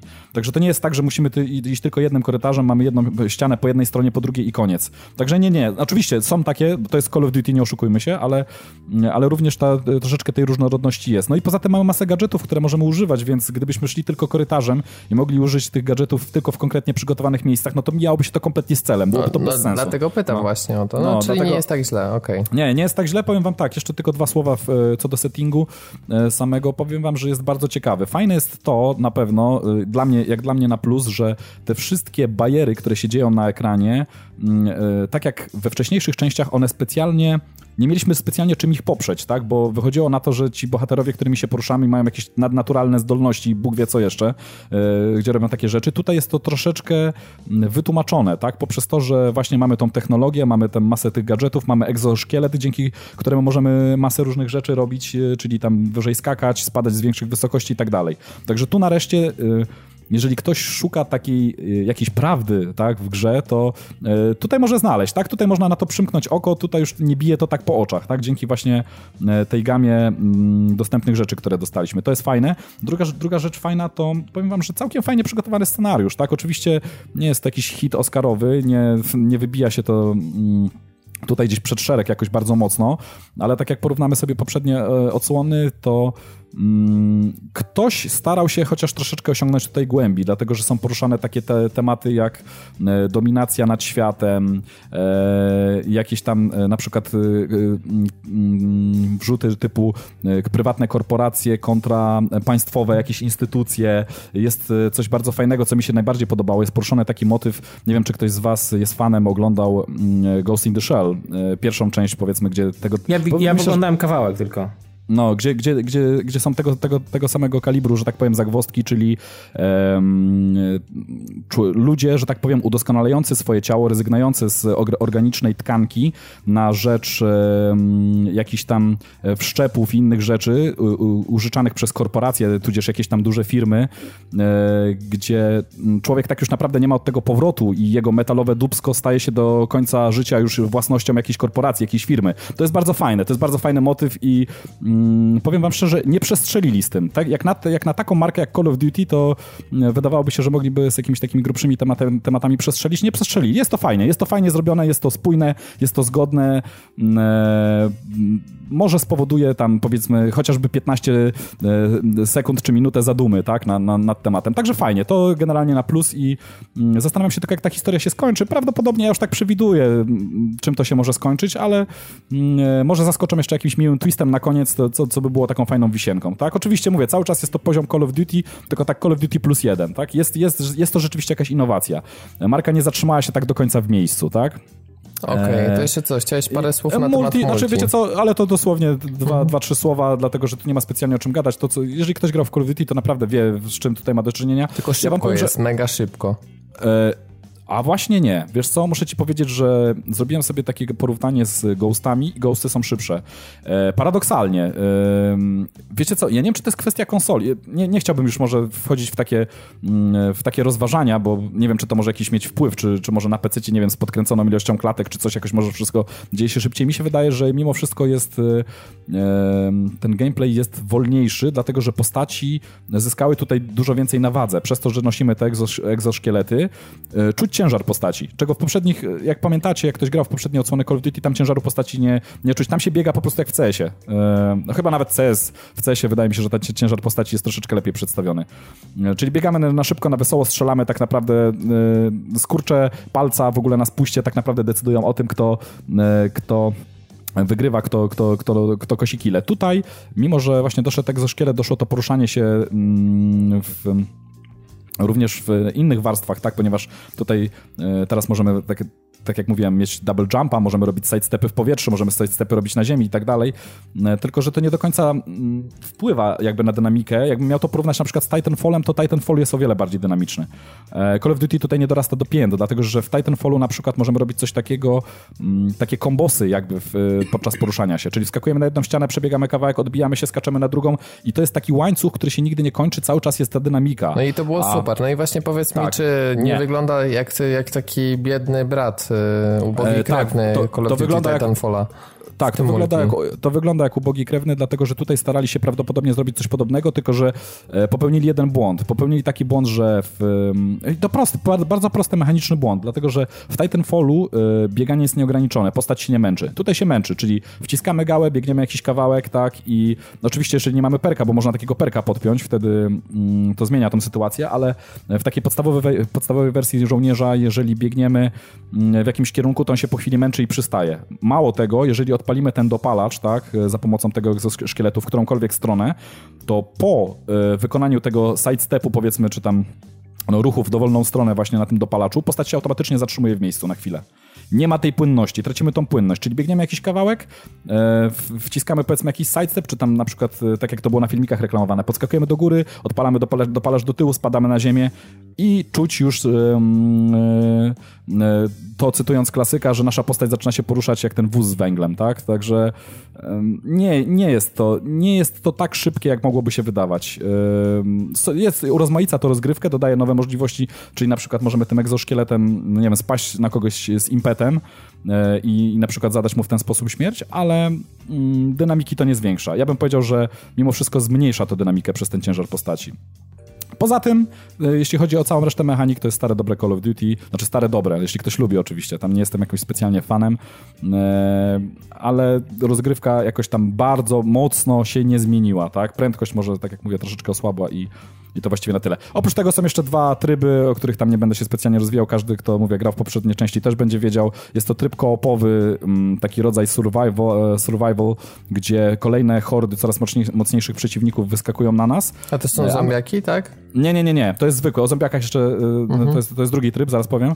E, a to jest taki tryb, mm, może być kanapowy, czyli możemy we, we dwójkę na kanapie na podzielonym ekranie, albo e, z kimś poprzez sieć i to już jest chyba do czterech graczy, z tego co kojarzę. E, no, horda, klasyczna horda, czyli e, wiecie, no tam pierwszy rzut, drugi, trzeci i tak kolejny, możemy aż tam do, do, do któregoś, któregoś levelu dojść. Z każdym etapem przeciwnicy dostają nowe umiejętności, jest ich coraz więcej, a my możemy w międzyczasie jakby za punkty, które zdobywamy za kile, upgrade'ować bronię. Tyle, koniec, kropka. Stara klasyka, no to, to, e, ten tryb wszedł bodajże w Modern, e, nie w Modern Warfare, tylko w e, Black Ops 1. On się pierwszy raz pojawił. Tak samo jak w Black Ops 1 pojawił się tryb zombie, tutaj również występuje z O tym, że nie, tryb to... zombie to już chyba był, bo tutaj zaraz fani Call of Duty by A nie, przepraszam, w Call of World at Duty War. World at World at- War. Dokładnie, at War był pierwszy raz, rzeczywiście, dobrze, dobrze przypominasz. No, uratowałem E, odcinek. Uratowałeś sytuację, tak, tak, tak, tak. E, I tutaj jest o tyle zmiana, że to nie są zombie, tylko to są exozombie, czyli zombie, które posiadają również To te egzoszkielety. to, to Tak. zmienia całkowicie postać rzeczy. Znaczy powiem, powiem wam, co to zmienia, tak? Zmienia to tylko tyle, że te zombie w tym momencie nie są takie powolne, tylko są naprawdę mega szybkie dzięki tym egzoszkieletom. Potrafią również robić double jumpy, sidestepy, inne tego typu rzeczy. Co, Już, przepraszam bardzo, ale jakoś tak prawie wybuchnąłem śmiechem. No wyobraźcie Mm. sobie, rozumiesz, zombie robiącego double jumpy i side stepy, no. nie, przepraszam, ja tutaj w ogóle, ja tutaj w ogóle siedzę cicho, bo dla mnie sidestep to jest jakaś figura z aerobiku i tak trochę... No, ale generalnie tak to wygląda. Znaczy, y, żeby była jasność, y, jest to tryb, który nie, nie jest brany absolutnie na poważnie, dlatego że ten tryb ma taką otoczkę fabularną i już sama ta otoczka, samo wprowadzenie i tak dalej y, pokazuje nam, że twórcy absolutnie zrobili to z jajem, tak? Łącznie z tym, że można grać nawet tam jedna z postaci, bo tam są cztery postaci znane mm, nam z, ekranu, z ekranów filmowych i z serialowych. Z ekranów telewizorów. E, można grać na przykład Johnem Malkowiczem, tak? który jest tam w ogóle sprzątaczem w całym tym instytucie, w którym te zombie się wydostają. Tak? Także no to jest y, absolutnie beka, nikt nie bierze tego na poważnie i to, myślę, że tak ten tryb trzeba um, traktować. Jak to działa, to jak w każdym poprzednim zombie, czyli również ubijamy zombie, staramy się przetrwać. E, tak jak mówiłem, jest tu troszeczkę tryb fabularny. Chodzi o to, że z kolejnymi dodatkami będziemy się przedostawać jakby do kolejnych e, miejscówek, do kolejnych map. E, grę można skończyć, tak? Ona ma zakończenie, można ją, można ją w jakiś tam sposób ukończyć. Tak trzeba po prostu przetrwać e, tą apokalipsę zombie. W tej chwili wyszedł pierwszy dodatek, który nam daje pierwszą część, pierwszą mapę, czyli ten ośrodek, w którym te zombie się wydostają. Mamy również upgrade broni, upgrade szkiele, e, tego egzoszkieletu mm, e, i tego typu rzeczy. E, no generalnie pod podsumowując całość, powiem wam, że jak e, już Call of Duty nas przyzwyczaiło od kilku części, tak naprawdę e, no, gra jest napchana contentem, tak? I za 160 zł, za które ja akurat wyrwałem w promocji, powiem wam, że dostajemy aż nadto, tak naprawdę, bo mm, single jest fajnym doświadczeniem i myślę, że nawet za samego singla warto wydać te pieniądze. Jak ktoś jest zainteresowany mm, tym specyficznym klimatem z, tego multiplayera Call of Duty, no to tutaj znajdzie wszystko plus więcej, jeszcze, bo oczywiście wzbogacone tam o nowe bajery, gadżety i tak dalej. E, oprócz tego dwa tryby, mówię, które już tam jakiś czas temu się pojawiły, które również, e, również na swój sposób są fajne i są to e, głównie tryby skierowane do takiego grania koopowego i, e, i tak samo kanapowego, jak i poprzez sieć. Także tyle, no. Stare, dobre Call of Duty. E, ja polecam, tak? Jeżeli ktoś w, w, za, mm, za te powiedzmy 150-160 zł będzie w stanie wyhaczyć tam na płytce czy w wersji cyfrowej, e, brać w ciemno chociażby dla samego singla. Naprawdę warto, bo będziecie się bawić przednio mm, e, przy, przy tej fabule i przy tych atrakcjach, które zostały przygotowane, a e, gówno w wiatraku jakby kręci się teraz jeszcze trzy razy bardziej niż w poprzedniej części. Także polecam jeszcze raz. Dobra, no to, nice. to teraz wrócimy sobie do tematu The Order więc tutaj Piotrek nam się aktywni. Y, I w zasadzie, no powiedz od czego chciałbyś zacząć, no bo e, tak jak wspomniałeś wcześniej, to będą bardziej takie ogólne wrażenia niż, niż sama recenzja, bo zresztą gry jeszcze nie skończyłeś i pewnie ewentualne jakieś uzupełnienie pojawi się w przyszłym odcinku. Tak. No ale myślę, że The Order jest na tyle specyficzną grą, że już te, nie wiem, 3-4 godziny, które miałeś szansę obcować z tytułem, dają ci szansę na to, żeby powiedzieć, y, z czym to się je i czy jesteś pozytywnie zaskoczony, wiedząc jaka y, fala hejtu y, dotknęła The Order, czy raczej podzielasz właśnie mm, front ze wszystkimi rozczarowanymi, że to jednak nie, ta, nie, nie wyszło tak jak powinno? Dobrze, to może tak. Ja bym chciał zacząć od tego, że wyładuję tej grze na głowę łopatę główna. Dobrze.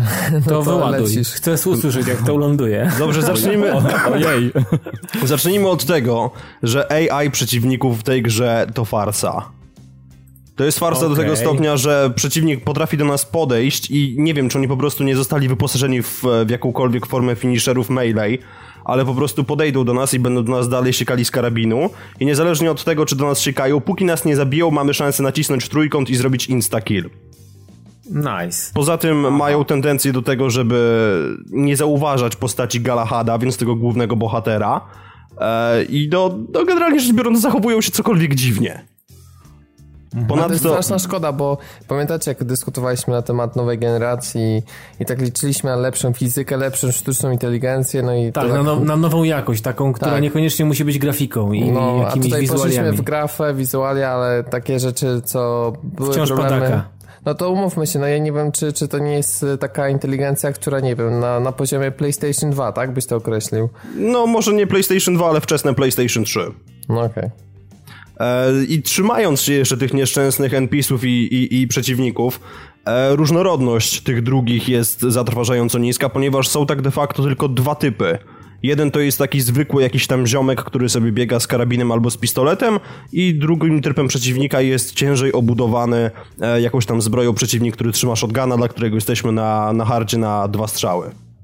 Także różnorodność tutaj niestety nie powala, podobnie zresztą jak ilość technik, którymi oni się posługują, bo de facto ich ruchy polegają na tym, że mogą albo stać gdzieś pośrodku otwartej przestrzeni, albo być za osłoną, za której się nie wychylą i będą strzelali na oślep, albo się wychylą i będą strzelali celując. I to jest de facto chyba tyle. No ten z shotgunem do nas podchodzi, no bo chce nam wsadzić najwyraźniej tą lufę w ryj i po prostu rozwalić łeb. Ale... Wiesz, on ma, on ma shotguna, on musi podejść blisko. On ma shotguna i na dodatek jeszcze chodzi w hełmie rycerskim zwykle, więc no to jest, to jest bad motherfucker, także... No. To, to specjalnie nie dziwi.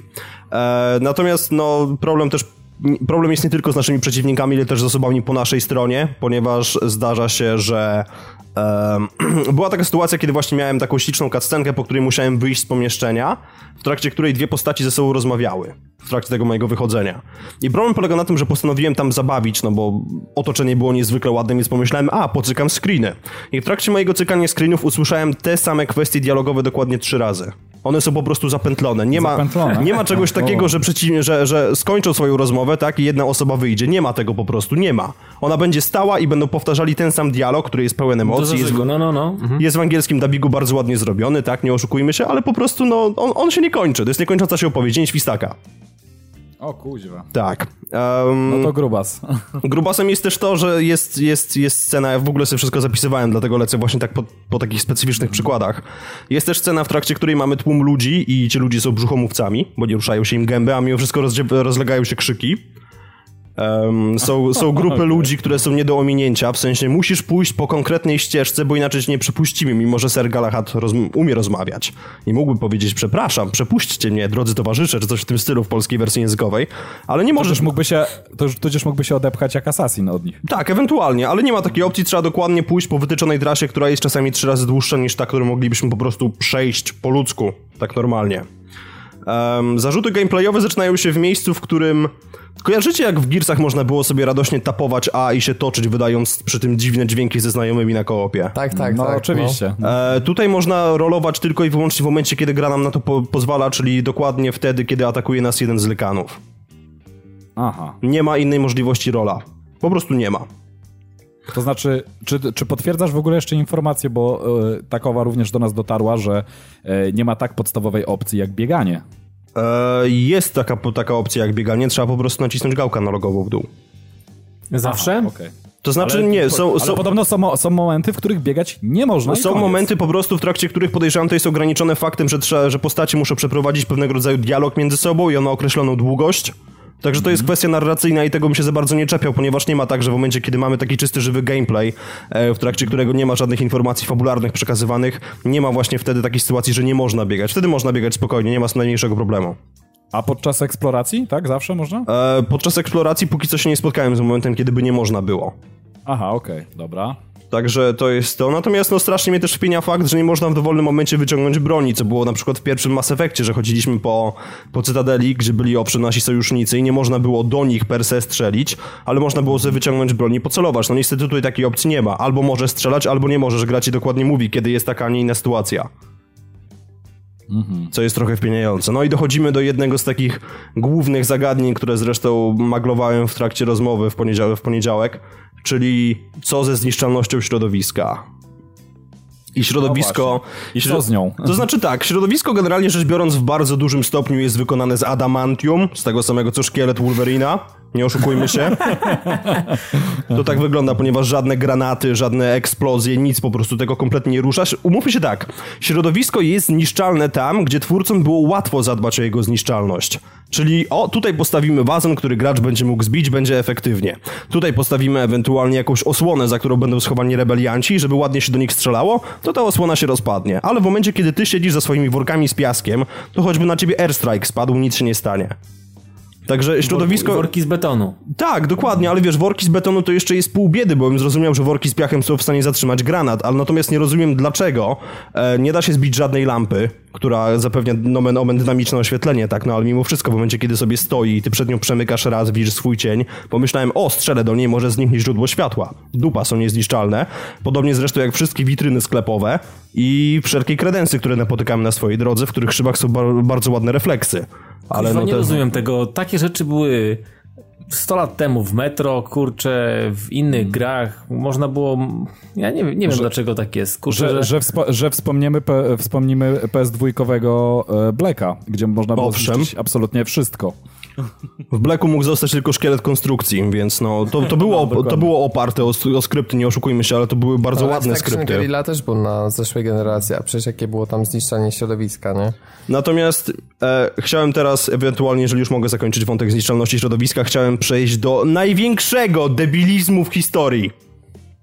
Czekam. Uwaga, w tej, w tej grze E, w momencie, kiedy walczymy z lykanami, to nie ma tak, że po prostu ich zastrzelimy. Trzeba do nich strzelić, oni się wtedy jakby są w takim stanie, stanie ran, rannym, tak? Trzeba do nich podejść i trzeba ich dobić nożem. Czyli finisher jest, panie. Tak, jest finisher, okej, i w porządku, to jest jak najbardziej w porządku, no, że mamy finishera normalne, tak? Chcemy w widowiskowy sposób pokazać, jak jucha chlapie. Jest okej. No. Problem polega na tym, że w momencie, kiedy mamy dwóch przeciwników, nazwijmy ich w sposób niezwykle, e, niezwykle wyrafinowany A i B, w momencie, kiedy strzelimy do przeciwnika A i go powalimy, a następnie strzelimy do przeciwnika B, nie możemy podejść z finisherem do B, dopóki nie wykończymy A. No co ty pieprzysz? Poważnie, ja wczoraj, pierdolę. wczoraj miałem taką sytuację i byłem zdziwiony. Mało tego, trzeba do owego lykana podejść z, z konkretnej strony, bo inaczej się to nie aktywuje.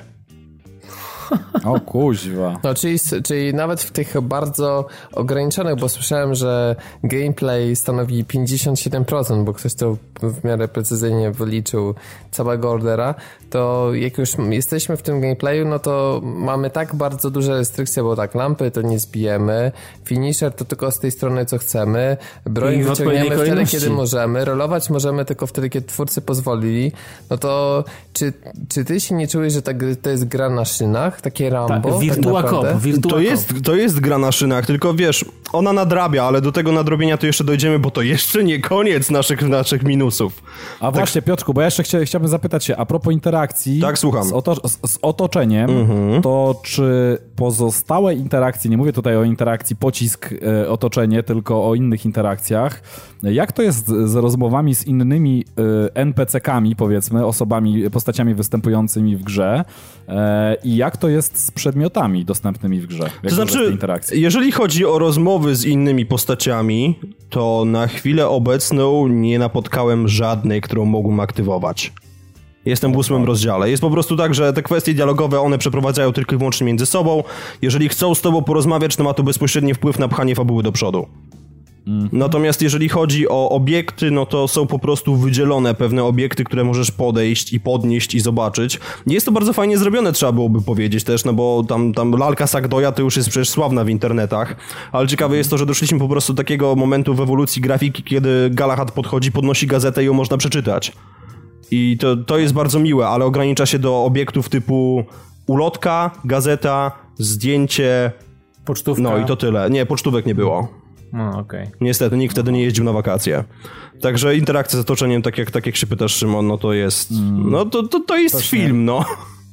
Generalnie rzecz biorąc. Do tego wszystkiego mamy debilnie długi samouczek, który jest nie wiedzieć czemu rozciągnięty w jakiś dziwny sposób, zamiast po prostu nas wysłać, em, zapytać się nas może w ten sposób, czy chcesz ewentualnie to przetrenować na jakiejś zamkniętej arenie, to jest to po prostu wplecione w fabułę i ciągnie się, ciągnie się debilnie długi czas. Także no, to, to nie wiem, co oni myśleli, że to jest po prostu gra dla laików, chyba dla Filmwebu generalnie rzecz biorąc e, i tak to skonstruowali. Piotrek, ja mam jeszcze jedno, przepraszam, ja mam, ja mam jeszcze jedno pytanie, bo mnie to strasznie korci, żeby się, do, żeby poznać odpowiedź. E, Już, i, i już nie zawracam dupy, tylko jedną rzecz. Nie, ależ proszę. Słuchaj, bo e, wstawek e, przerywników, znaczy inaczej, wstawek filmowych tych, przerywników filmowych nie można przyspieszać, tak? No nie można. A teraz mam takie pytanie, bo podobno na przykład podczas e, wstaw, znaczy inaczej, wstawki przechodzą płynnie w gameplay. Na końcu takiej wstawki może być moment, kiedy musisz na przykład coś wcisnąć.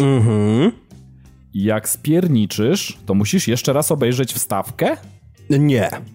Nie, nie, nie, nie, Nie. Przynajmniej mi się to nie zdarzyło. Bo, Znaczy, może inaczej. Kwestia jest taka, że Virasuria mi to tłumaczył tak, że oni chcieli zrobić tą taką seamless, jak to mówią Anglicy, tak, integrację między gameplayem a cutscenkami, co jest gówno warte tak na dobrą sprawę, bo to widać gołym okiem po prostu po pracy kamery, czy jesteśmy aktualnie w jednym czy w drugim miejscu. Więc to jest zawracanie dupy moim zdaniem i tak na dobrą sprawę równie dobrze można byłoby te cutscenki pomijać, ale z jakiegoś względu nie można, e, bo tak, bo wtedy gra by miała dwie godziny. E, Tak czy inaczej, no... Matko Boska. Czyli, czyli generalnie y, nie ma znaczy inaczej, jak spierdzielisz, znaczy nie, inaczej, nie ma połączeń jakby wstawki z jakąś, jakimś quick time eventem, który możesz zawalić. Nie, nie, nie, nie, nie ma. Nie ma czegoś takiego. Nie ma czegoś takiego a na szczęście. A czy jak zginiesz, powiedzmy, po danej wstawce, jest jakaś możliwość, żeby cię cofnęło przed wstawkę? Nie nie, wiesz co mi się zdarzyło właśnie dzisiaj, że zginąłem w czasie nagrywania tego Mhm. podcastu, bo jeszcze próbuję jak najwięcej tego przejść. Znaczy w tej chwili oczywiście już nie gram, no bo rozmawiamy, ale jak gadałeś o... Zresztą nieważne, dobra. E, nie, Mhm. tak czy inaczej w momencie, kiedy zginiesz po prostu po, po jakimś przerywniku filmowym, to nie cofa cię przed ten przerywnik, a zawsze po prostu lądujesz w checkpoincie, który jest po tym przerywniku.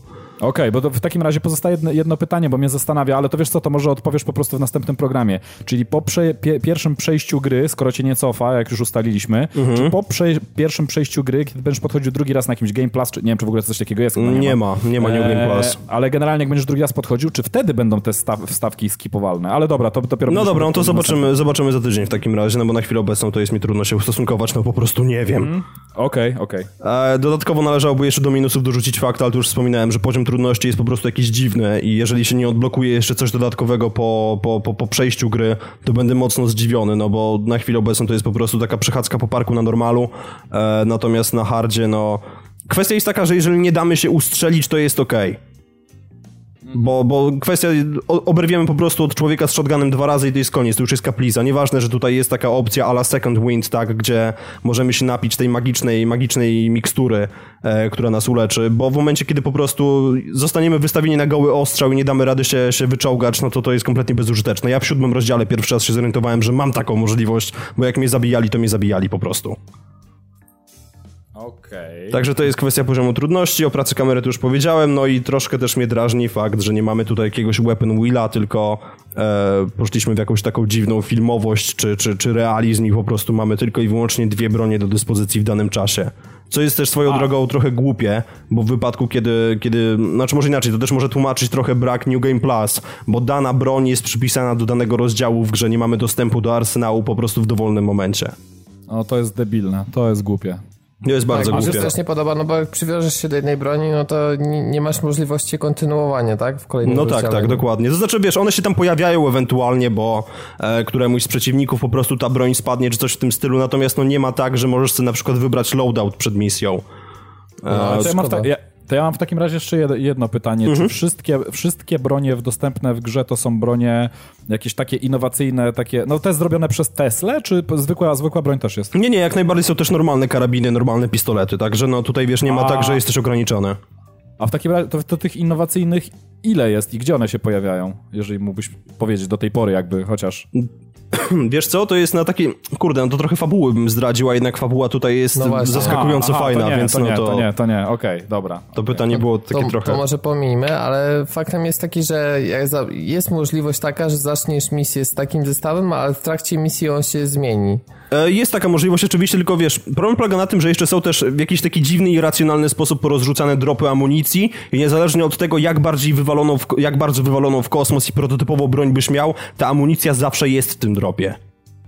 Co jest takie Aha, okej. trochę, ale, trochę czyli, dziwne. Ale, Czyli- czyli... nie, no, ale to akurat trafiam spoko, czyli jest tak, że nawet jeśli weźmiesz dziwną broń, to i tak lód do niej będzie, a nie tak, żeby skończyć się amunicja po dwóch magazynkach. To znaczy, wiesz, no nie, zależy. Jeżeli są akurat dropy amunicji porobione, po prostu takie stałe punkty, w których ta, te, te magazynki leżą, no to jak najbardziej możesz sobie naładować, ale w momencie, kiedy ich nie ma i musisz żerować tylko i wyłącznie na tym, co wypadnie z przeciwników, no to nie ma takiej gwarancji.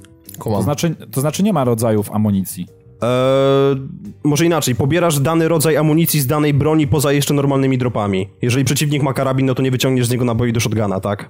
Jasne. Okej, okej, są. dobra, Dobra, dobra. kumam, jasne. No, czy to, czy to zamyka listę minusów, czy To zamyka listę minusów, na szczęście, przynajmniej póki co. Aha, No to teraz to dobroci. Co tam się wylewa? No, panowie, no to nie oszukujmy się, że główną dobrocią jest tutaj grafika. No tak, no to Grafika- to jest na tyle dobra, no y, tutaj właśnie przeczytałem, bo w momencie jak nagrywamy, to Adrian Chmielarz zarzucił tutaj e, bardzo odważną tezą, że The Order jest dla grafiki tym, czym Gears of War było dla, na poprzedniej generacji. No ale jest to jest... podobny przełom. Nie, no to, to jest podobny przełam dla, z tego względu, że ta grafika po prostu od pierwszych chwil cza, czaruje i e, zdarzają się po prostu takie momenty, kiedy no ja się cofałem tylko po to, żeby popatrzeć, no bo mamy, mamy refleksy postaci w wazach, dynamiczne refleksy, tak, w wazach, które są od, od, odpowiednio zaginane w zależności od kształtu naczynia, jakieś tam wazy, które stoją w ogóle z boku, do których e, w ogóle byś nie podszedł. Mamy odbijające się w wodzie pożary, mamy mapowanie środowiska na miedzianych poręczach. Po prostu to, to jest idiotyczny poziom de detali i, i tutaj też należałoby oczywiście do tej listy dopisać włosy, które po No prostu... i, I wąsy. No wąsy tak, wąsy, wąsy generalnie rzecz biorąc, gdyby Janusze grały, to byłaby to ulubiona gra Januszów ze względu na wąsy. Nie oszukujmy się. Ale, ale wiecie co? Ale właśnie może tutaj. Ale, ale słuchajcie, może tutaj właśnie leży pie, ten tak zwany pies pogrzebany. że To znaczy, że taka ilość detali em, generalnie wymusza tak słabą zniszczalność środowiska. Tak, aby te detale na, na tych wy- elementach wy- występowały, nie? Wymusza wszystko tak naprawdę na bardzo niskim poziomie, bo nie ma na to po prostu zasobów, na, na inteligencję, Tak, czyli na... kró- krótszą grę, Tak, na, na- powiedzmy chociażby kwestie NPC-ów i ro- rozmów z nimi, prawda, żeby było bardziej, no, głębsza ta gra. No, czyli on, ona musi, no, ta grafika jest w pewnym sensie płytka, no, ale z drugiej strony, skoro mm, Xbox ma swojego Rise'a, no to dlaczego PlayStation ma nie mieć swojego Ordera? No jasne. Nie, no ja się jak najbardziej z tym zgodzę, ale właśnie chodzi o to, że mnie jeszcze to mierziło tak od samego początku, że będziemy mieli te 21 na 9, bo pomyślałem, okej, Sony, wszystko fajnie, cudownie, że po prostu rozszerzacie nam pole widzenia, według was przynajmniej, ale dlaczego do ciężkiej cholery mój 40-calowy telewizor właśnie się zmniejsza?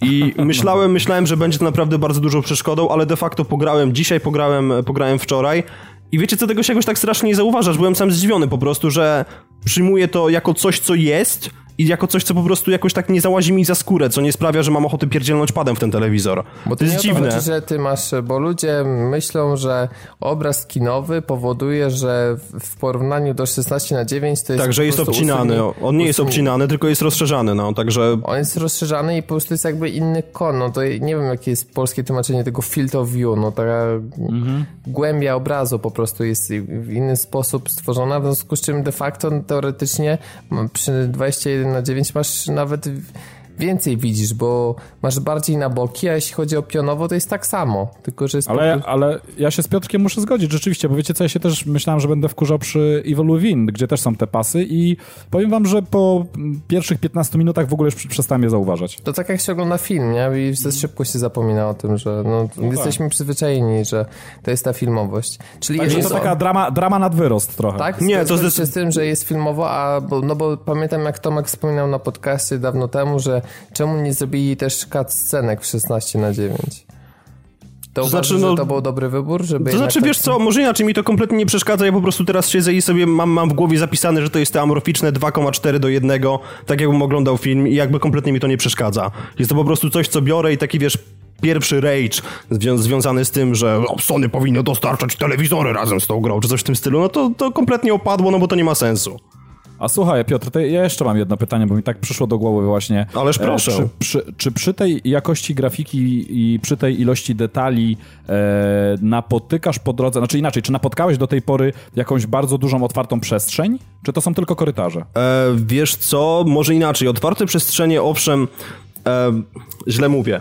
Są, są po prostu miejsca, które są szersze i są węższe, tak? To nie jest taki korytarz per se, ale gra nas bardzo często przez te nawet od, takie trochę bardziej otwarte przestrzenie prowadzi. Tak, żebyśmy po prostu nie mogli polecieć na pałę, a takie typowo otwarte, otwarte przestrzenie zdarzyły się, owszem, ale to było na cutscenkach. Okej, okej. Czyli to generalnie no, sugeruje, y, znaczy jest takie odczucie, możesz to potwierdzić, że ta najwięcej tej pary poszło właśnie w, w tą grafikę. Ale tak? tutaj absolutnie, nie, nie, tutaj, tutaj wiesz, tutaj absolutnie nie ma jakiejkolwiek wątpliwości, tylko że rezultaty tego, tego puszczenia pary w grafę są absolutnie rewelacyjne. Okej. Także nie, ja, jest, ja jestem oczarowany tym, jak ta gra wygląda i po prostu siedzę od wczoraj, tylko cykam screeny cały czas. A wygląda lepiej niż Drive Club? E, tak, wygląda lepiej niż Drive Club. To jest, ja bym zaryzykował stwierdzenie, że to jest najlepiej wyglądająca gra w tej chwili, full stop. Także tutaj nie ma, Digital Foundry bodajże napisał, ja nie czytałem całego artykułu, ale oni się zdaje, że wspomnieli o tym, że tutaj nie ma żadnej takiej rewolucji dudniącej, natomiast jest po prostu zastosowanie wszystkich dotychczas zgromadzonych efektów w sposób taki, który jest bardzo składny i właśnie daje nam taki, a nie inny efekt. No i słyszałem, że jednak jest też parę sztuczek e, dotyczących przede wszystkim takiego ziarnistości obrazu filmowej dodanej. znaczy tak, tak, jakieś jest- pewnie jest- filtry, jakieś nakładki, no. Jest motion blur, nie oszukujmy się, że on tutaj jest obecny, ale nie jest przeszkadzający, bo na przykład pamiętam, że są gry, pierwszy Mass Effect na przykład, gdzie ten, gdzie ten blur jak się pojawia, no to człowieka trafia szlak, bo to jest tak jakby ktoś po prostu robił nam lata 80. i soft focus za pomocą wazeliny na obiektywie. Tutaj tak nie ma. Film grain jest owszem dość, dość, dość intensywny, ale to wszystko właśnie sprawia takie wrażenie, że jest jakby na siłę wciskane, to jest bardzo fajnie wyważone. Zresztą nie wiem, czy tak na, na sekundę dosłownie odchodząc od tematu samej gry, to takie filmowe filtry naprawdę potrafią grafikę wznieść na dużo wyższy poziom, bo e, ja bardzo często widzę screen z Dying Lighta, który też ma tam bardzo mocno właśnie te filmowe filtry podkręcone i to robi robotę. Tak samo było chociażby w Outlaście, czy, czy tych horrorach właśnie. No i jest coś takiego, że jak się to widzi jak przez obraz kamery, to nie wiem, jakiś taki większy realizm, nawet jeśli same tekstury nie są jakiejś jakości. A tutaj mamy przecież podwójny efekt, bo, bo tekstury są w cholernie dobrej rozdzielczości. To znaczy, wiesz... jest cholernie wysoka, a jeszcze do tego są dodane filtry, prawda? A propos, a propos tych tekstur, one są w cholernie wysokiej rozdzielczości, ale Sama gra w ogóle startuje w jakiś przedziwny sposób, ponieważ doczłapujemy się do menu głównego, klikamy continue i mija może 5 sekund, jesteśmy w grze.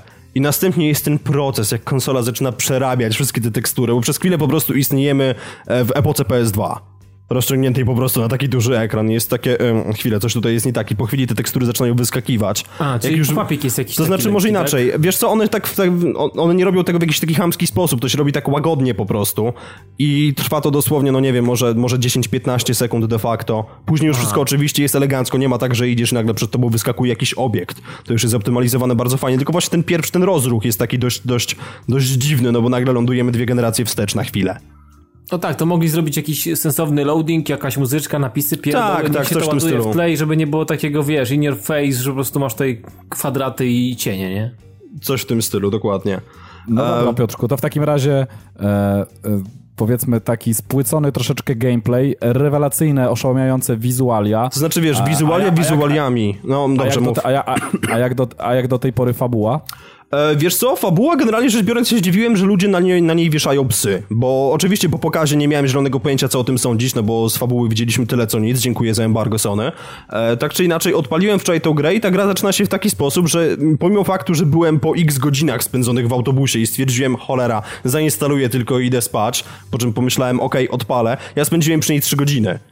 Więc ona się rozkręca dość powoli, mamy ten pierdzielony tutorial, mamy takie rzeczy, które po prostu nas, trochę nas wpieniają, ale sama, sama w sobie fabuła ma tak ona daje nam takie, takie delikatne hinty, że się zacznie rozkręcać w pewnym momencie. W ogóle sam początek jest, jest takim gigantycznym what the fuck, co się właśnie stało.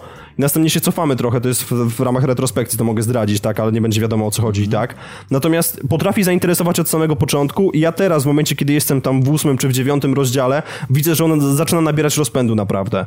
Także a propos fabuły, nie chcę nic mówić, tam zdradzać konkretnych postaci, etc., ale mi się podoba, przynajmniej póki co. Zobaczymy, czy ten efekt się utrzyma. Okej, okay. czyli na, na razie nie dostałeś takiego beat slapa, że e, mech. Nie, nie, nie, absolutnie go nie dostałem. Beat slapa... Na... Piotrek, wiesz co, zastanawiam mhm. się nad jedną rzeczą jeszcze może, to tak znaczy? odbiegając, trochę abstrahując od, od, od całości, myślisz, że ta gra ma szansę na jakieś paczki DLC? Na jakieś takie ciągnięcie tego e, tego tytułu? Jest szansa, że będzie podbijana piłeczka? Czy, czy uważasz, co? że to będzie na tyle zamknięta e... sprawa, że jak to tak ci, jak ci się na teraz to wydaje, nie? Jak, ja się zapytałem, ja się zresztą zapytałem w trakcie wywiadu, czy oni planują jakieś DLC i oni powiedzieli, że jeszcze to nie jest, nie jest to planowane, natomiast um, The Order jako, jako, jako franchise, tak, tak na dobrą sprawę, czy franczyzna, czy jakkolwiek to się tam po polskiemu mówi, e, wydaje mi się, że ma jako bardzo... marka po prostu. Jako marka, tak, tego słowa mi brakowało, dziękuję Robert. E, jako marka ma bardzo duży potencjał, bo to może być coś na zasadzie Infamous, że mamy po prostu pewnego rodzaju uniwersum, w którym, w którym mogą, przygody mogą się toczyć przy, w, w różnych miejscach, w różnych czasach przez, różny, przez różne postaci. No Także pytanie, czy, te, czy nie obawiasz się, że taki odbiór wśród mediów nie spowoduje, że sprzedaż będzie słabsza i w efekcie seria zostanie ubita na samym początku? To znaczy, wiesz to, co... Ej, to może panowie czekamy na, na to, co zrobi Telltale Order. O matko, nie, proszę. Nie, nie, ja się na to nie zgadzam. Tak czy inaczej, Robert, wracając do twojego pytania. E, wiesz co, ja się boję, że z jednej strony mamy odbiór mediów, który po prostu wymieszał to z błotem i wywalił za okno w bardzo dużej mierze, ale z drugiej strony, tak jak zresztą mówiliście, że, że reakcje graczy na tą grę są zgoła odmienne.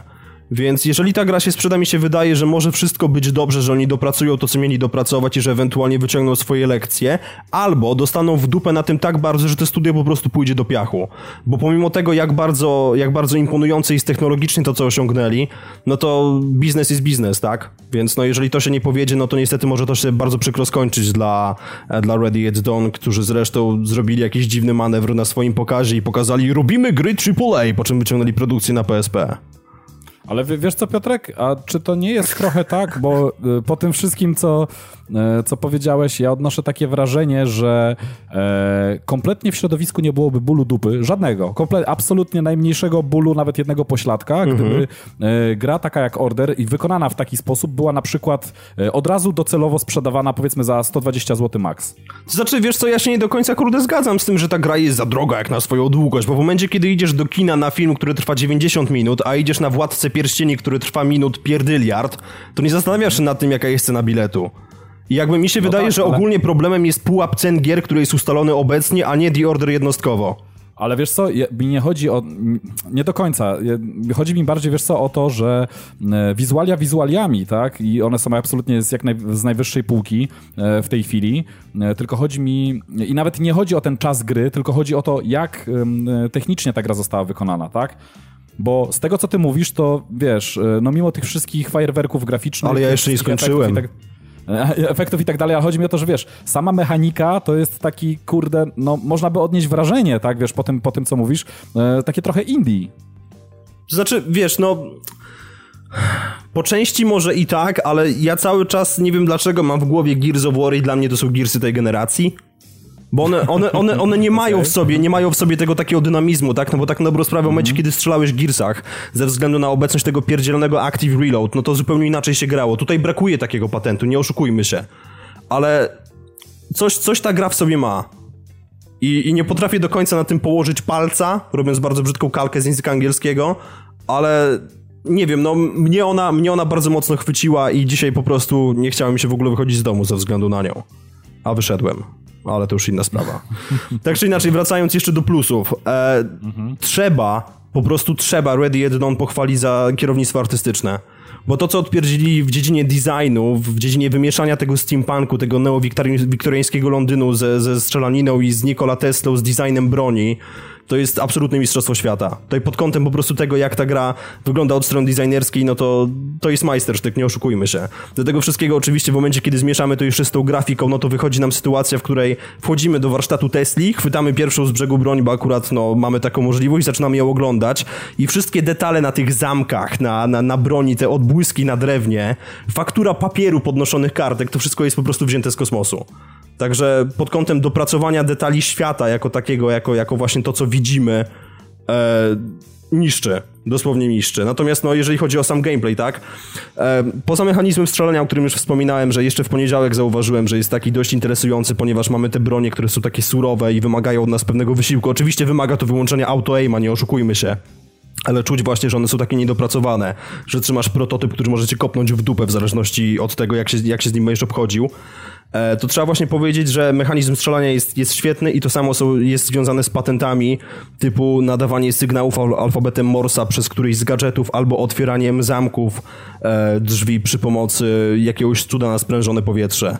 To mechanizm rozgrywki, który po prostu został tutaj zrobiony, pomysł sam, ukazanie tego, jest, jest po prostu rewelacyjny. Ja byłem zdziwiony, bo się nie spodziewałem takich patentów po tej grze, szczególnie po tym, co usłyszałem, te ciepłe słowa, tak, od, od e, różnych innych środowisk, innych, innych redakcji growych. Nie spodziewałem się po prostu, że takie patenty tutaj są, a wydaje mi się, że trzeba o nich powiedzieć, bo poszło w to sporo pracy, szczególnie w design i no...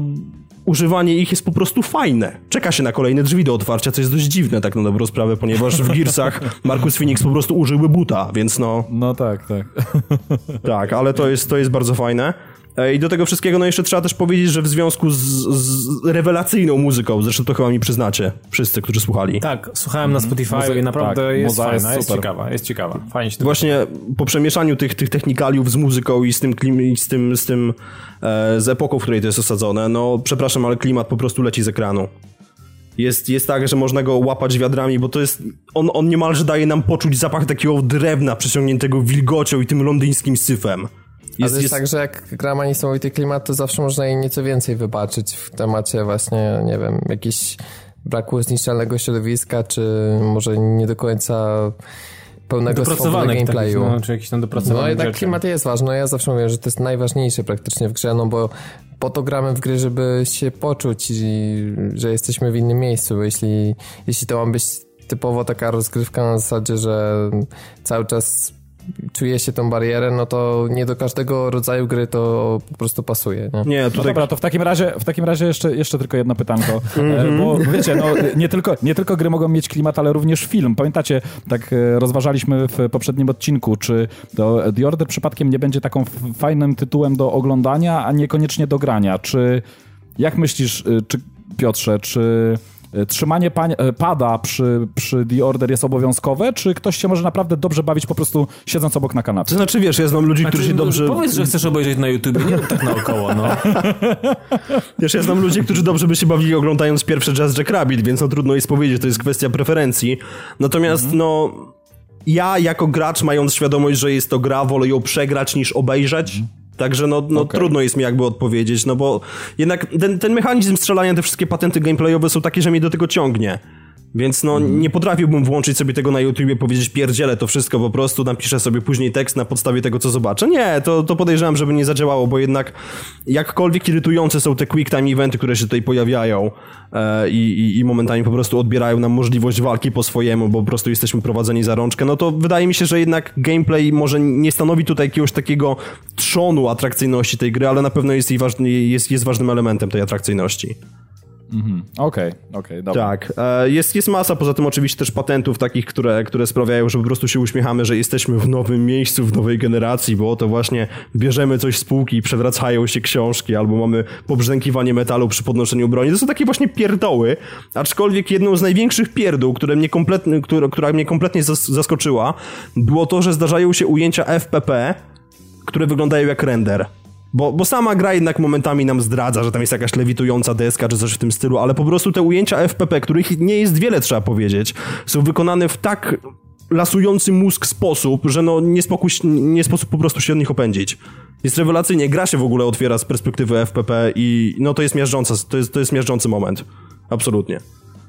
Także... Czyli wiesz, sugerujesz, że The Order jako FPP gra robiłaby większe wrażenie i większą imersję dawała? To znaczy, wiesz co, nie jestem pewien, czy, czy, czy rzeczywiście by tak było, no bo jednak tutaj trzonem, to, jest- to jest cover shooter, tak, nie oszukujmy się i teraz z perspektywy pierwszej osoby w momencie, kiedy wchodzisz w zasłonę, to się to kończy tak, że po prostu wyglądasz jak pół dupy z zakrzaka. Ale nie no, twórcy już Call of Juarez tutaj, pamiętam, że system spokojnie wynaleźli, związany z tym, że po prostu automatycznie się przyklejałeś do osłon i mm, potem naciskając lewy spust wychylałeś się i prawy No to wiesz, no to w, w Killzone teoretycznie też było podobnie, tak? Ale no, nie wiem, wydaje mi się, że ta gra by po prostu sporo, sporo straciła e, w momencie, kiedy byśmy przeszli do, do, do FPP. Natomiast no, jako TPP po prostu zdaje egzamin, ale te, te, te wstawki są naprawdę szalenie miłym urozmaiceniem. I na sam koniec plusów jeszcze, bo tak, to już, już koniec. Kwestia jest taka, że właśnie te bronie, które są tam produkowane przez Tesla pozwalają nam na taką dość dużą różnorodność gameplayu, ale to też jest ograniczone niestety, bo e, z tego co pamiętam, to właśnie jakiś czas temu, w momencie kiedy się pojawił któryś z gameplayów, nie pamiętam czy to było przy okazji Gamescomu czy, czy E3, była sytuacja, kiedy właśnie mieliśmy gameplay, na którym było Thermite Rifle, które pozwalało na detonację e, jakichś tam magicznych wiązek czy gazu, czegoś w tym stylu. Tak czy inaczej, tam właśnie była taka sekwencja, kiedy budynek wybuchał w związku z tym, e, że, że właśnie został zdetonowany ten ładunek w nim i to jest oczywiście wszystko bezczelnie zeskryptowane, ponieważ w momencie, kiedy odpalimy to w jakimkolwiek innym miejscu, no to sypie się grad bardzo ładnie wyglądających iskier, jest dynamiczne oświetlenie, ale na tym się kończy i nawet nie jest nic osmolone. Także to, to daje nam możliwości fajnych patentów, fajnego zabijania przeciwników, którzy trzeba też powiedzieć, giną w spektakularnie brutalny sposób, ponieważ po użyciu tej broni Tesli, tego, tego ark kanona radosnego, potrafi człowiekowi po prostu urwać pół tułowia i chlapnąć krwią w dość zdrowy sposób. To jest też coś, czego się nie spodziewałem, tak na dobrą sprawę, ale no jest to jednak w pewien sposób ograniczone i widzę tutaj pewnego rodzaju niewykorzystany potencjał, bo gdyby to środowisko było chociaż trochę bardziej zniszczalne, chociaż trochę, żeby się wyginało cokolwiek, to było podejrzewam, byłoby po prostu podejrzewam lepiej. Ale sam Vira Surya mi powiedział w trakcie wywiadu, że no akurat tak jest zaprojektowana ta gra, czy tutaj nie udało nam się tego uzyskać. E, I jak się go zapytałem, czy na PS5 w takim razie możemy się spodziewać zniszczalnych środowisk, to powiedział, skąd wiesz, może jeszcze nawet na PS4, ale to, to tego nie kupuję, przykro mi. No raczej nie. No, także Ciężko nie wiem, jakieś, jakieś pytania jeszcze, Fox, czy już się wystrzelałeś? Nie, chyba się wystrzelałem, wiesz, Aha. idę odpalić, idę, idę odpalić YouTube'a. Aha, spoko. Nie, to wiesz co, poczekaj. Pytanie a propos Quick Time Eventy, czy one są takie na zasadzie wybijającej, czy właśnie raczej zwiększają twoją imersję i pasują w tych momentach, które rzeczywiście się znalazły? To znaczy, wiesz co, są momenty po prostu, w których one są potwornie upierdliwe, i, i, i, jakby trochę wpieniają. Natomiast generalnie rzecz biorąc nie ma tak, że wybijają ci w jakiś specjalny sposób z rytmu. Mało tego, są też fajnie urozmaicone czasami elementami, elementami środowiska, bo w zależności od tego, jak się potoczy walka, to, to jest oczywiście też skryptowane po prostu i na sztywno zrobione, ale w zależności od tego, jak się potoczy jedna z walk, e, możesz jakby zyskać dodatkową broń do walki właśnie wręcz, więc no to, to jest ciekawe, jest to pewnego rodzaju urozmaicenie, jest to fajne narzędzie narracyjne w momencie, kiedy po prostu jest, jest jakby nacisk kładziony na moment na czymś innym, jakby niż na strzelaniu, ale nie ryje to w jakiś taki straszny sposób bani i momentami się wydaje trochę zbyt inwazyjne.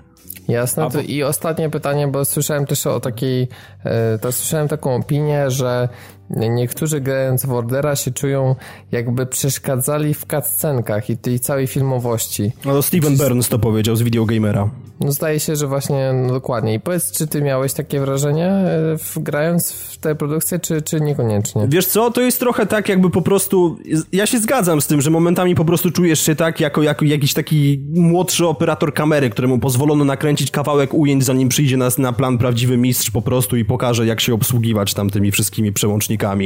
Ale nie jest to uczucie, które towarzyszy ci przez cały czas, i naprawdę uważam, że The Order jest grą, w trakcie której można się dobrze bawić, na pewno o wiele lepiej niż to sugerowałyby recenzje. Ja uważam, że w ogóle ten cały hejt, który się wylał, te, te 5,5 i tego typu oceny, są po prostu krzywdzące dla tej gry. I owszem, nie mogę się jeszcze teraz wypowiadać tak jakby jako pełnoprawny członek tego elitarnego grona, które przeszło już tą grę, czyli ludzi, którzy mieli więcej niż 8 godzin, ale no po prostu zaryzykuję stwierdzenie, że jest to gra, przy której naprawdę dobrze można się bawić i że nie jest to wrażenie, które towarzyszy ci przez cały czas. No dobra, to w takim razie szybkie pytanie i szybka odpowiedź na koniec. Mhm. Y, kupić teraz, czy jeszcze poczekać? A jeżeli nie jesteś... Co byś, powiedział, co byś powiedział ludziom, którzy nie wiedzą, co mają zrobić i z jednej strony mają, na jednej szali mają to, że powiedziałeś, że gra jest y, kiepsko, jeżeli chodzi o grywalność, natomiast zabija tym, czym, czym jest w postaci no, znaczy, klimatu i samych wizualiów. Odpowiedź jest prosta. Jeżeli jesteś szpunem graficznym, który nie potrzebuje wielkich, otwartych przestrzeni, to kup. Okej. Okay. Ale w pozostałych przypadkach ja widziałem, że już gra 159 zł chodzi na Allegro. Oczywiście mówimy tutaj o używkach, ale no za wiele te osoby tej gry nie poużywały. Używki więc... 3 dni po premierze, wow. Mhm. No to, to ktoś tam napisał, że gra dwa razy w czytniku, to ktoś się pytał, po co ktoś miał w ogóle tę grę z czytnika wyrzucać. Nie, nie, wydaje mi się, że tak za 150 zł już spokojnie będzie można ją kupić. Oczywiście no to, to, to już jest kwestia po prostu tego, jak bardzo jesteście czpunami graficznymi, e, którzy po prostu będą, będą doceniali design, no ale to, to już jest kwestia indywidualna. Jasne, więcej pytań nie mam w takim po, po, razie. Potraktujcie to po prostu jako taką dopasioną e, e, blu-rayową wersję jakiegoś superhitu. Tak, to taki I... właśnie film z elementami, wiesz. Tylko broń Boże nie odpalajcie go po polsku. No, to jest, to jest raz, a, a, druga sprawa, że takie jeszcze, nie wiem, dosłownie 5 minut takiego ostatecznego podsumowania, czy jakichś takich wrażeń po przejściu refleksji, które się pojawiły, czy też kwestii tej otwartości zakończenia, która też jest szeroko dyskutowana, oczywiście bez zdradzania szczegółów, tylko jakby samej konstrukcji, no to do tego sobie wrócimy już za tydzień jak Piotrek skończy produkcję. Znaczy moglibyśmy teoretycznie pewnie nawet jutro, no ale to... No, moglibyśmy teoretycznie jeszcze pogadać ze dwie godziny i też byś skończył. Znaczy nie, no w tej, w tej chwili nie gram, także no sorry, ale to, no to by się no, trochę przeciągnęło. Ja śmieję, że wiesz, przeszlibyśmy na tematy, wiesz, no, bardziej neutralne powiedzmy. E, no dobrze, no to, to tyle, co przyszykowaliśmy e, z dzisiejszych tematów i tak nam wyszedł całkiem dopasiony odcinek, bo bliżej nam dwóch godzin niż, niż standardowych naszych 90 minut. Jeszcze powiem na temat premier w tym tygodniu i tutaj Szymon sobie z pewnością ostrzy zęby, ponieważ jest to Resident Evil Revelations 2. Oh yeah. I to historia tak przewrotnie e, nam tutaj scenariusz e, wytworzyła, że gra, która pojawiła się pierwotnie na 3DS-ie, wychodzi teraz na wszystkie platformy poza 3DS-em. Nawet na Vita będzie, więc to rzeczywiście już coś. E, no i premiera no, jest... Wraże, wrażenia w każdym razie na pewno w następnym odcinku, bo no na pewno na premierę będę się bawił tym tytułem. Start y, gry 25 lutego, mm, przy czym jest to pierwszy epizod y, w cyfrowej dystrybucji, natomiast y, gra ostatecznie w formie dyskowej się pojawi dopiero w marcu, także tak to zostało zaplanowane. No i z tego co widziałem został upubliczniony dzisiaj jakiś 8-minutowy gameplay, I co trochę zabawne i już spotkało się nieco z krytyką, to że gra niesamowicie przypomina The Last of Us.